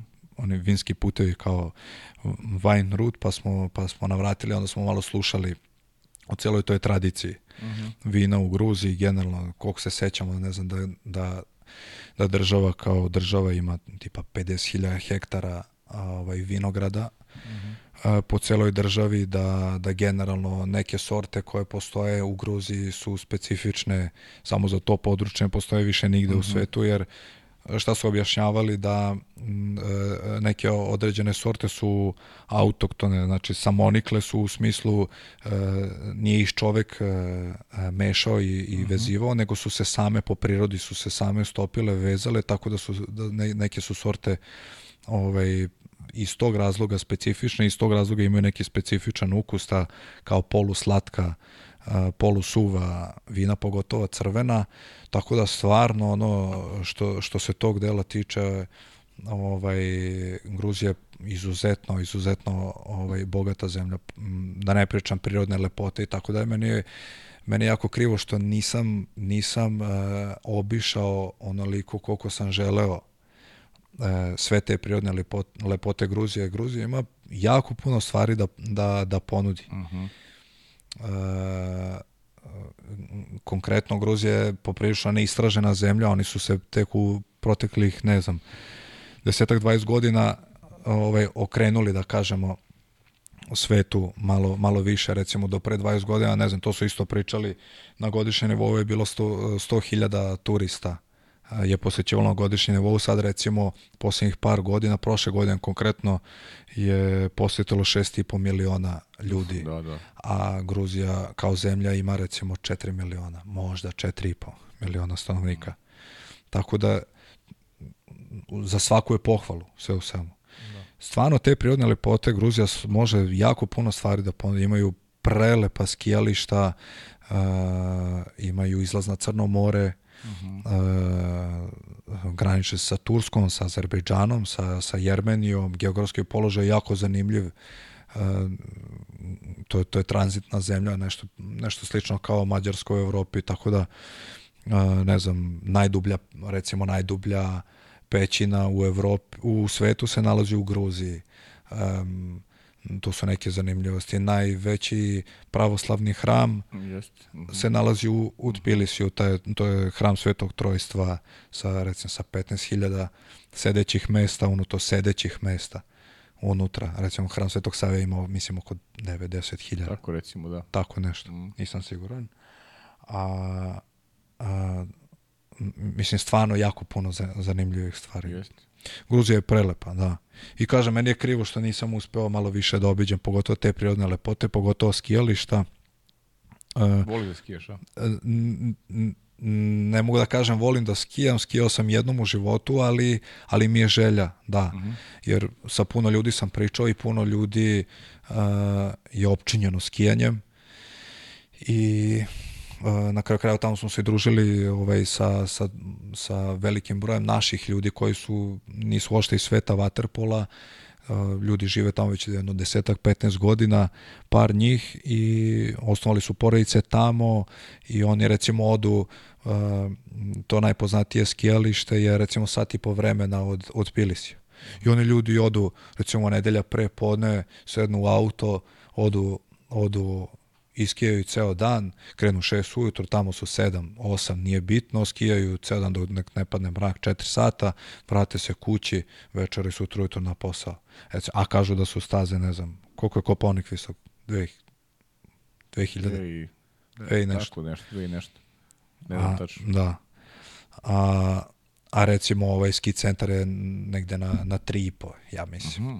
Da, infrastruktura je isto, ovaj, što bi rekao Lukaš Seman, in- infrastruktura Infrastruktura. ovaj, je fantastična, tako da sa, mislim sad sam odužio, ali Neka si, stvarno, ne, da, da, veze, stvarno, baš. stvarno Gruzija ovaj, uh, je fascinantna, ali neistražena. Eto, to je, to je, moje, to je moje mišljenje. Na kraju krajeva ne, ne, neka mm, uh, asocijacija snowboardera baš iz Novog Sada, njih 15-ak, 20-ak, u zavisnosti od sezone, svake godine idu u Gruziju na skijanje.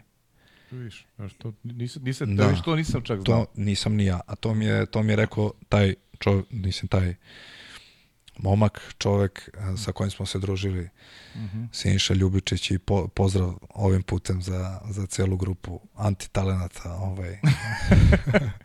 Ajde, još malo ćemo u Gruziji. Daj nam, Vladice, još jedno pitanje. Ćao Pajo, pozdrav za tebe i za tvoju ekipu u studiju i za vašeg današnjeg gosta Dušana Vazovića. Imam par pitanja za njega. Prvo pitanje glasi da li je istina da ima brata blizanca u Iranu? Drugo pitanje glasi zbog čega više voli Eurodizel od G-Drive i avio dizela i treće pitanje koje me možda i najviše lično zanima je kako je moguće da svaki put zna plan treninga? Da li je to intuicija ili pak šta više? Veliki pozdrav.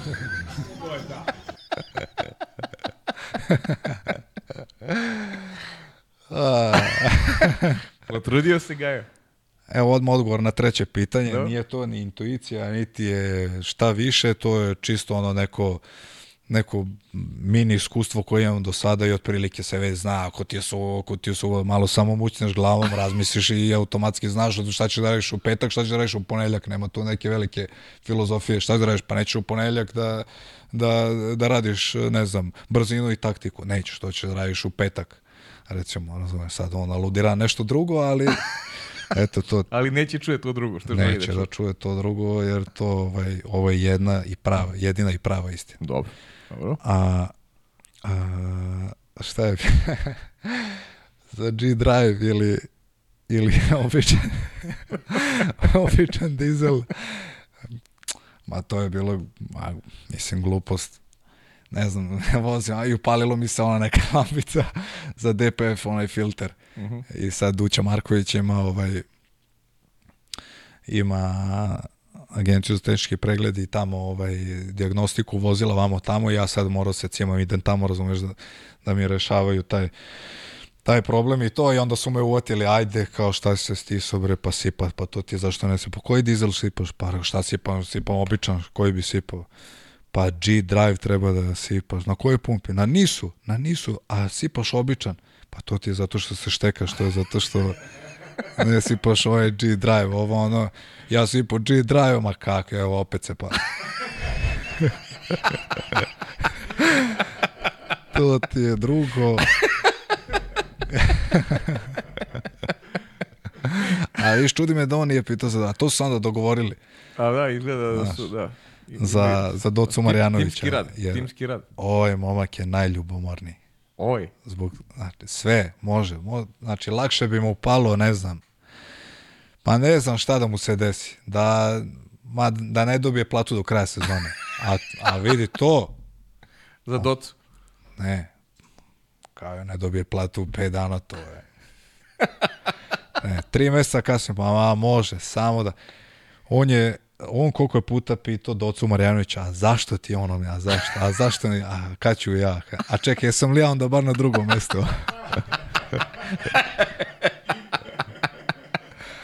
ja kažem Docu, ja, kažem, ja bio sam s Docom na svaku, Docu, reci mu, molim te mu reci, da, znači da smo, i on i ja da smo tu, bara bar. Da, finale kupa.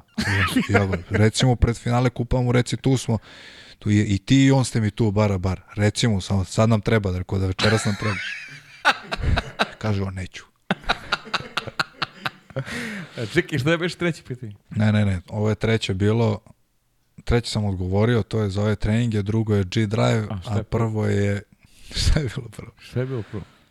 Aha, brat blizanac Iran. A, brat blizanac Iran, da. Ko je taj?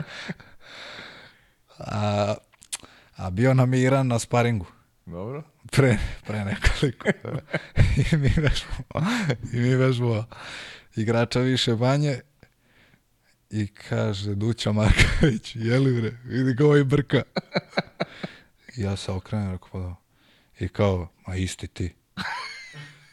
Gde isti, nema veze, čo. I oni me tu uvatili. Ma isti, ma isti, ma daj da vas slikam posle treninga, daj ovo, daj ono. I onda kao ispalo kao isti, ma čovjek nema veze, nije, nije prošao pored mene. Ali kao, kao, ma isti. I onda, a što najjače, i ta igra desno jedinicu u dvojku i ono kao, ma vidi ga, ma ovo je isti ti, samo što ti nemaš zadršku, ovo ima zadršku. on dao go nekima, kao vidi ga Vaske. Pa kaj, kao, treba si sliku da pošalješ. a ne, ne, ma ja kažem, nemoj da stiga, naljutit će se lik. Nema slika, znači. Nema, nema, nema se, ali mo, možda se naći sigurno. I to je to. Ali recimo, sad, mislim, to je ta atmosfera, mislim, iskreno, jako je, To je to. veći deo je baziran baš e, na ovim stvarima. Mhm. Mislim, najveći deo, možda čak i, i previše. Je šale previše, zezancije, ali ovaj, sve je bazirano na tome i najpozitivnije od svega što se niko ne ljuti. Ali to i jeste suština. Tako je. Ovaj, znači, god da se račun šalimo, niko se ne, ljut, ne ljuti, mada i, i generalno mi svi znamo ovaj, opa, mi, svi znamo ovaj, granicu gde, gde treba da se stane, mada ovaj, i to je ponekad diskutabilno, nekad Pa dobro, Dule, neću da te navodim da ti pričaš o tome, ali znam da ste imali i dosta i problema i, ovaj, i kao Jest, tim jest, u prošlosti i da nemate to što imate, ovaj pitanje Pa, je kako bi sve jest. stvari, kako bi to izgledalo. A, to je, to, je suština jedino, to nas jedino i održalo, iskreno. Mm. To neko zajedništvo, stvarno ta, mislim sad, ajde da ne ureknem, ali neverovatno pozitivna atmosfera u ekipi. To, ja iskreno to nigde nisam doživeo. A to se vidi u bazenu, znaš da se to vidi. Ja Sa ne strane znam, možda eto, se vidi. Da. ja ne znam da li se to vidi u bazenu ili se ne vidi ili na treninzima ili ovako ili onako ili sa strane kad mi idemo na utakmicu ili Mm. šta god, ali, ali to je stvarno tako. Nemam nameru da prevoličavam niti da nešto kiti, ali to je stvarno tako da je, ja nigde nisam doživio da je toliki broj ljudi. Meni je recimo u Dinamu bilo Bilo mi je nešto slično, ali to je bio manji broj ljudi, recimo bili smo, kažem, Vapenski, Sarić, Jelača, ja i, i stvarno je to je to govorno područje i stvarno ogrezujući su za svaki primjer, ali nije bilo na, na, na tom nivou. Ovde je cijela ekipa uključena, ovde je uključena, ne znam, sad, ajde da ne preterujemo 13 igrača, tu je malo mlađih ovo ono, ali 10 sigurno. 90 igrača u svakom momentu, pa i mlađi su uključeni u, ovaj, u taj deo građenja atmosfere i to sve ide spontano. Iskreno, ne, ništa nije na silu, ništa nije e, isforsirano i tako dalje. Od kafe do, do šale na, na račun jednog, drugog ili trećeg. I to druženje van bazena i ne znam, evo i sad smo imali na vikendici kod Bakija, kod Basare, organizovano, ja bih eto iskreno najviše voleo samo da još malo više se Gaju uključi u tu celu priču danas, jer on svaki put ima nešto, on samo još malo da, da bude i on tu sa nama, ne, imam tetki leg da odnesem, imam ovo, imam ono, samo još da je on malo više tu i to će biti... Gaju, si čuo šta treba da radiš? To je onda fantazija. Da, dobro, dobro. Ovaj, kaži mi, ajde da, to smo tu već pri, pri kraju smo negde, da mi malo ovaj, podeliš iskustvo iz tih repestivnih, ajde da kažem, eh, Odiseja, imao si juniorsku reprezentaciju Srbije, pa igraš za Gruziju, sigurno ostaje žal što nisi igrao za Srbiju, za, za uh, A nacionalni tim, pa ajde malo ispričaj generalno taj neki tok karijerni kada govorimo o reprezentaciji uh, mlađe kategorije, uh, Srbija, očekivanja A reprezentacije, nije se desilo, Gruzija, šta su neki planovi u budućnosti? što se tiče e, mlađe kategorije samog početka, uh, ja sam prvi put dobio poziv uh, baš to leto, 2009 i nakon tog leta sam ušao u prvi tim mm -hmm. ovaj, i u prvi tim Vojvodine. A pre toga jesu, bile, jesu bila neka okupljanja juniorskih selekcija jedno leto pre, sigurno 2008, možda čak i 2007. ja tu nisam dobio poziv. Kažem, dobio sam poziv 2009. i to je i to je a, zanimljivo je, a, tad je te, to leto, odnosno te sezone je Dači Kodinović došao u klub, došao je u, u, u Vojvodinu uh -huh. i a, mi smo 2008. 8. na 9. to je 2009. smo imali otvoreno prvenstvo Srbije i konkretno ja sam to malo odskočio kao od, od svoje generacije na tom prvenstvu je ovo je ono i bio je ta spisak je bio za okupljanje uh, uh, 93. mlađe ja sad moram da se ogradim, ja nisam siguran da li je to istina, ali to je ta priča je došla do mene da da je Dača čitao spisak i kao sad tu bilo je recimo 30 igrača, to je bio neki širi spisak i ovaj, Dača je čitao spisak i kao što ovde nema kao Vasića i on je kao pa ne znam pa ovo pa ono i navodno da je on kao uzo i dopisao hemijskom kao mm -hmm. moje ime. Eto, je, ja mislim i, i, i verujem da je tako počela moja moja uh, reprezentativna juniorska karijera mm -hmm. i nakon tog leta, to je onda bilo 2009. leto i stvarno to leto ovaj, od 30 igrača mi smo imali, nismo imali prvenstvo nikakvo oficijalno, to imali smo turnir u Dubrovniku uh, i ja, ja sam bio u prvih 13, ne u prvih 13, nego sam na kraju bio i u,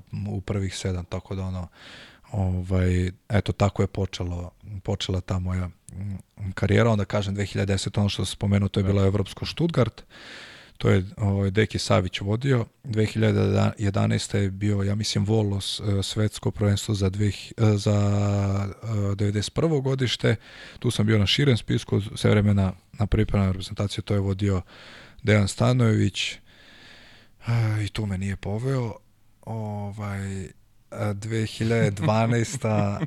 2012. je evropsko prvenstvo Kane 93. To je isto Dek je vodio. Kažem, tu smo uzeli srebro.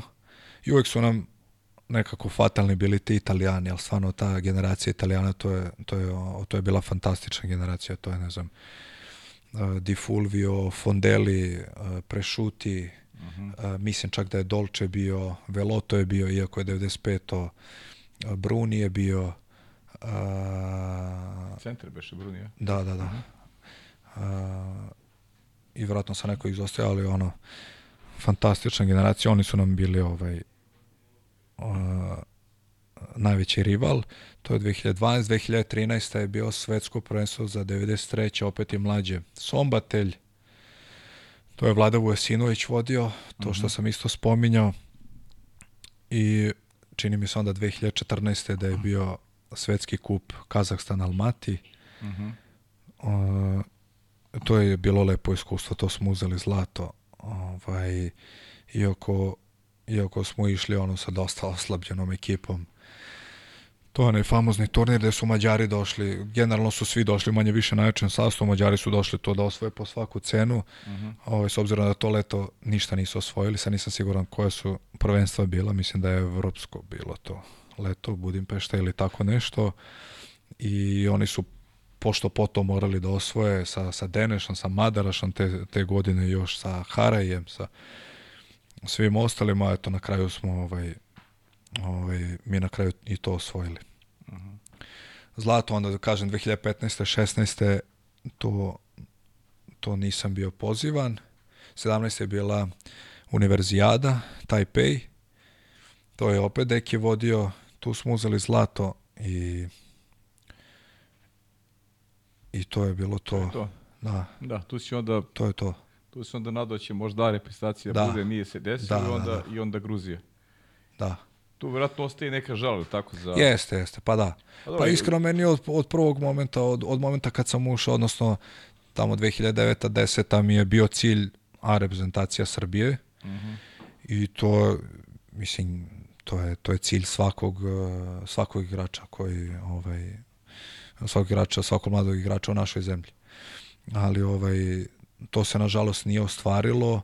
Mislim, stvarno tih godina znamo svi. Mislim, sad da ne ponavljamo kakva je to ekipa bila i koji je to sastav bio, to da se upadne u 13, to je, to je ravno svetskom čudu.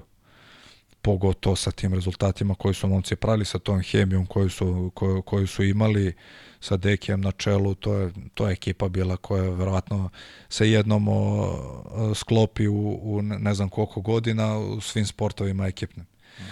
Tako da, ali da je žal jeste. Kažem, na, najviše zbog tog rada sa, sa, sa tim igračima i ljudima kakvi su svi ti, mom, svi ti momci, ljudi. Mm -hmm. Najviše zbog toga, jer mislim sigurno da bi mi značilo da sam pa makar i bio na, na, na na širem spisku, da provodim vreme svako leto sa tim u tom sistemu rada da, da, bih, još, da bih još više naučio.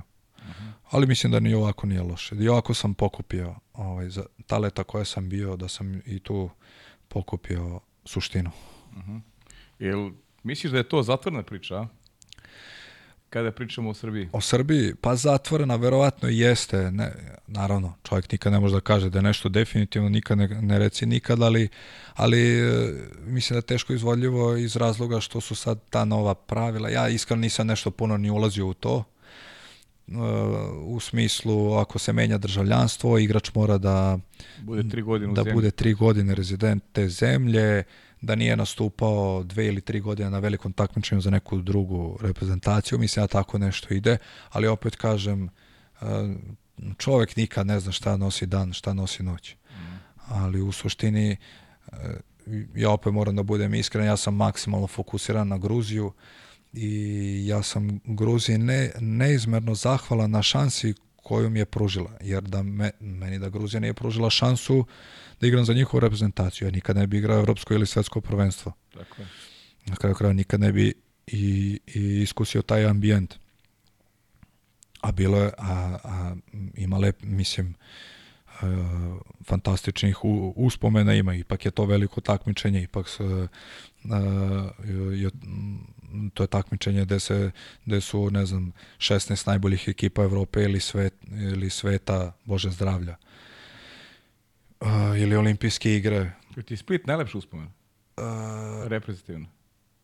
Pa i Split i Budimpešta, to je bilo jedno isto leto iz razloga što Budimpešta je specifična jer se igralo na otvorenom bazenu i to je stvarno što svi kažu u hramu Waterpola na Margit Siget na, na Al, Al, Alfred Haješ, ja mislim e, da se zove bazen i stvarno jeste tako, to nije izlizana priča i nije kliše jer mi smo imali tu sreću da igramo sa domaćinom, bili smo u grupi Mađarska, Crna Gora, Brazil i mi i e, to veče kad smo igrali sa Mađarskom bio je prepun bazen i to je nešto prelepo. To je jedan od lepših, ako ne i najlepši bazen na kom sam igrao u životu. Uh mhm. -huh. Pogotovo pred punim tribinama i pogotovo u toj atmosferi koje prave. A i noćni termin. Tako je, i noćni termin i, i atmosferu koje prave Mađari i njihovi navijači. A, tako da, eto, to mi je ostalo, ali opet s druge strane i Split, jer je opet specifično. Zbog rezultata. Tako je, zbog rezultata, iz, jer igralo se u areni i opet smo igrali sa domaćinom ukrstili smo se u osmini finala, ja mislim. I opet je bila puna arena i opet je nešto prelepo, a što ti kažeš, pogotovo zbog rezultata koje smo napravili, jer to je istorijski uspeh za gruzijski ekipni sport, ne samo za waterpolo, da budu u top 8 u Evropi. Pa ne onda, da nije u četvrtfinalu, a? U Ne, ili, ili u osmini finalu. četvrt. Četvrtfinal, Da, osminu pa, finalu među smo, jeste, pravo si. Da, da, u četvrtfinalu. Osmina finala je bila Holandija, Holandija koju ste pobedili. Jeste. Da, to je onaj čuveni skok u bazen, je li tako, Tako bio? je, tako je, Predsjednik, tako, to se vidi. savjeza, Da. da. to se vidio, to je... A ponele emocije, šta da radiš? Pa da, fenomenalno. Nećemo zamjeriti. Pa najlepša slika Evropskog prvenstva, definitivno je bilo to. Jeste, jeste, da, da, da, to je to. Ne. Da, Slovačku smo dobili u grupi, a da, osmina finala je bila Holandija, pa četvrt finale Četvrtfinale je Hrvatska, Hrvatska, i onda smo mm, onda smo sa Crnom Gorom igrali Tako ovo je. razigravanje i Francuska. Pa ništa, želim vam da na Evropskom prvenstvu se izborite za, za svetsko. To je Hvala. sigurno primarni cilj. A Jest. sad olimpijske igre, znam da ti je to san još. Jeste, Ali jeste. koliko je ostvariv? Olimpijske igre, zaista, to je već, Preteško. već malo teško, malo teže. Da. Mislim, moramo biti objektivni. Preteško. Teško je i na svetsko da se ode. Jer opet, ne znam koji je sistem takmičenja, koliko, uh, koliko mesta sa evropskog vodi na, na svetsko. Ali onda i za svetsko koliko je ostalo, ovaj, i, i za olimpijadu koliko ostane mesta. Pozivnice, da. Da, mislim, to je, to je, to je ravno čudo da se desi, ali opet, ko zna. E, Vlado, daj nam ovo posljednje video pitanje. Dobar dan, poštovani gledalci podcasta pod kapicom. Imam pitanje za gospodina Dušana Vasića. Siguran sam da će mu se svideti to gospodine najviše u ovom celom pitanju, a moje sledeće pitanje je da mi kaže kako mu je bilo u Grčkoj, kada je nastupao za Grčke Voljogmeni, gde je najviše provodio vremena na kafi i koji bo se Buzuki najviše svideo. Veliki pozdrav svim gledalcima, ćao Dušane. Eto, Kolega tvoj, moj kolega. poprilično se dobro snašao u ovoj ulozi. A, sjajno. Neću da, Da, ga ne menjam. dobro, nego Neću da ga menjam, odmah ti kažem. A, prvo pitanje, gde sam najviše vremena provodio, to je, zna on sigurno, to je Rumors u, u, u Vuljagmenju, to je jedan kafić gde smo ekipno generalno svi išli. Posle svakog treninga ili pre svakog treninga, a, a, a što se tiče, što se tiče izlaska i buzuke, moram da, da kažem da i dalje ovaj, to stoji dogovor da i dalje njega čekam da a, da posetimo neki zajedno jer ja sam već napomenuo da nisam u tom momentu imao dovoljno iskustva da bih znao koji e, je najbolji i gde je najbolje, tako da ovaj, i dalje čekam njega da, da me kao pravi domaćin sprovede tamo ovaj, Atino. E, slušaj, ovdje ima pitanja koje sam ja manje više ovaj, uglavnom postavio neka očekivanja za novu sezonu. Govorili smo zašto Crvena zvezda i, i to si rekao, pošto si ovaj, zvezdaš ovaj, obojen si crveno-belo. Obojen sam, da, da, da, da, to, to je to je odavno. Da, i to je pa is- iskreno i, i, i ističem to i time se ovaj ponosim tako da tako da nadam se da da će, da će i saradnja potreti. Dobro, kaži mi, ili ima nešto što te nisam pitao, a, a ti bi ovaj želeo da, da istakneš? Generalno mislim da smo pročešljali sve sad, na prvu mi ne pada ništa na pamet. Da. Da, ima tu još tema sigurno koje nismo dokačili, ali bit će Pa verovatno da ima, da, ali Biće prilike da se ovaj, ukrstimo još neki put ovdje u Jeste. studiju. Da, i ako mi se konjak dopadne, ovaj, onda ćemo, ništa ti u Gruziju ćemo zajedno. poruči, poruči Da. ovaj, Vapensku. Vapenskom, da. A kaži mi porodice, to mi je ono, ono što ostavljamo za kraj uvek, ovaj, ajde malo da, da ovaj, Jeste, da, po, supruga Jelena, sin Vukan, godinu i po dana ima sada i to je i to je sigurno najveći oslonac i to je Mhm. nešto gde tražim i gde u čemu imam najveću motivaciju. To je ono što me, što me najviše inspiriše, najviše motiviše, zato je na kraju krajeva i najlepše kod kuće, odnosno najlepše je kad smo kad smo zajedno i, i naravno da ćemo o, stremiti ka tome da, da to tako i ostane. A mislim, porodica je nešto nezamenjivo. Porodica je tu i, i, i kada ne ide kako treba i kad je loše i kad zaškripi i kad je ovako i onako, tako da uh, i ovim putem i javno želim da se zahvalim uh, i svojoj supruzi i, i roditeljima, naravno i sestri i celoj familiji od supruge koji su stvarno uvek bili tu i kad je bilo ovakvih i onakvih momenata i verujem da, da će to tako i ostati i, i na kraju moja poruka je da sam ja uvek tu za njih kad god i šta god da treba. E, Dule, šta ti još ti se pitao, ovaj, ajde to neka bude za kraj. Uh, ukoliko trenerski posao ne, ne provlada nekada kada, kada završiš karijeru, uh, čime planiraš da se baviš ukoliko, ukoliko to ne bude vaterpolo? Uh, pa generalno imam neke uh, dve, tri ideje već uh, u u onoj, baš u tom periodu kad je korona zavladala i, i, i mm. Jelena i ja smo, supruga i ja smo i, i, i krenuli nešto, naš neki kao mini biznis i tako dalje i to je super krenulo.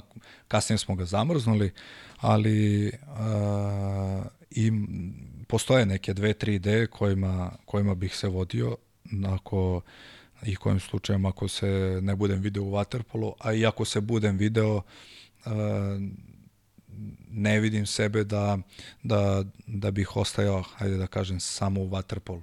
Po, oprobao bih se i na nekim drugim poljima, jer na kraju krajeva mislim da, da čovek dokle god je živ treba da uči na nekim drugim poljima i treba da pokuša da se bavi nekim drugim stvarima, tako da, tako da ja imam neke svoje lične ambicije kad su ovaj, neke druge stvari u pitanju, neke druge ideje, ali, ali o tom potom. Iskreno sad sam totalno fokusiran na, na igrački deo, i um, nije ni realno pokušavati nešto pored toga jer stvarno jer stvarno profesionalni sport oduzima jako puno vremena, a to uh, vreme što ostane se, se, se podeli sa porodicom i, i, i to vreme se u suštini najviše provodi sa porodicom i najviše sam sad fokusiran na, na baš na to, na, na, na vreme sa porodicom.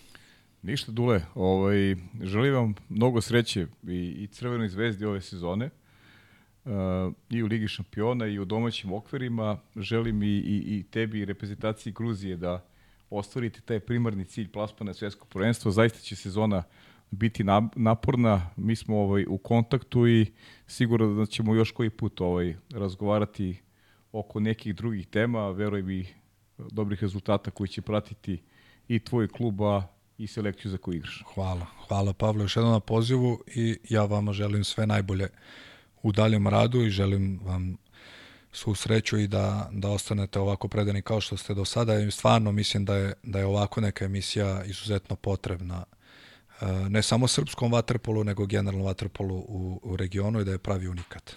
Hvala puno Dule. Eto, to je bio Dušan Vasić. Siguran sam da, da ste uživali u ovoj emisiji. E, ja vas pozdravljam i zakazujem novo druženje za naredni vikend. Vidjet ćemo ko će, ko će biti gost u 143. izdanju. Pratite naše Instagram profile. Hvala na pažnji.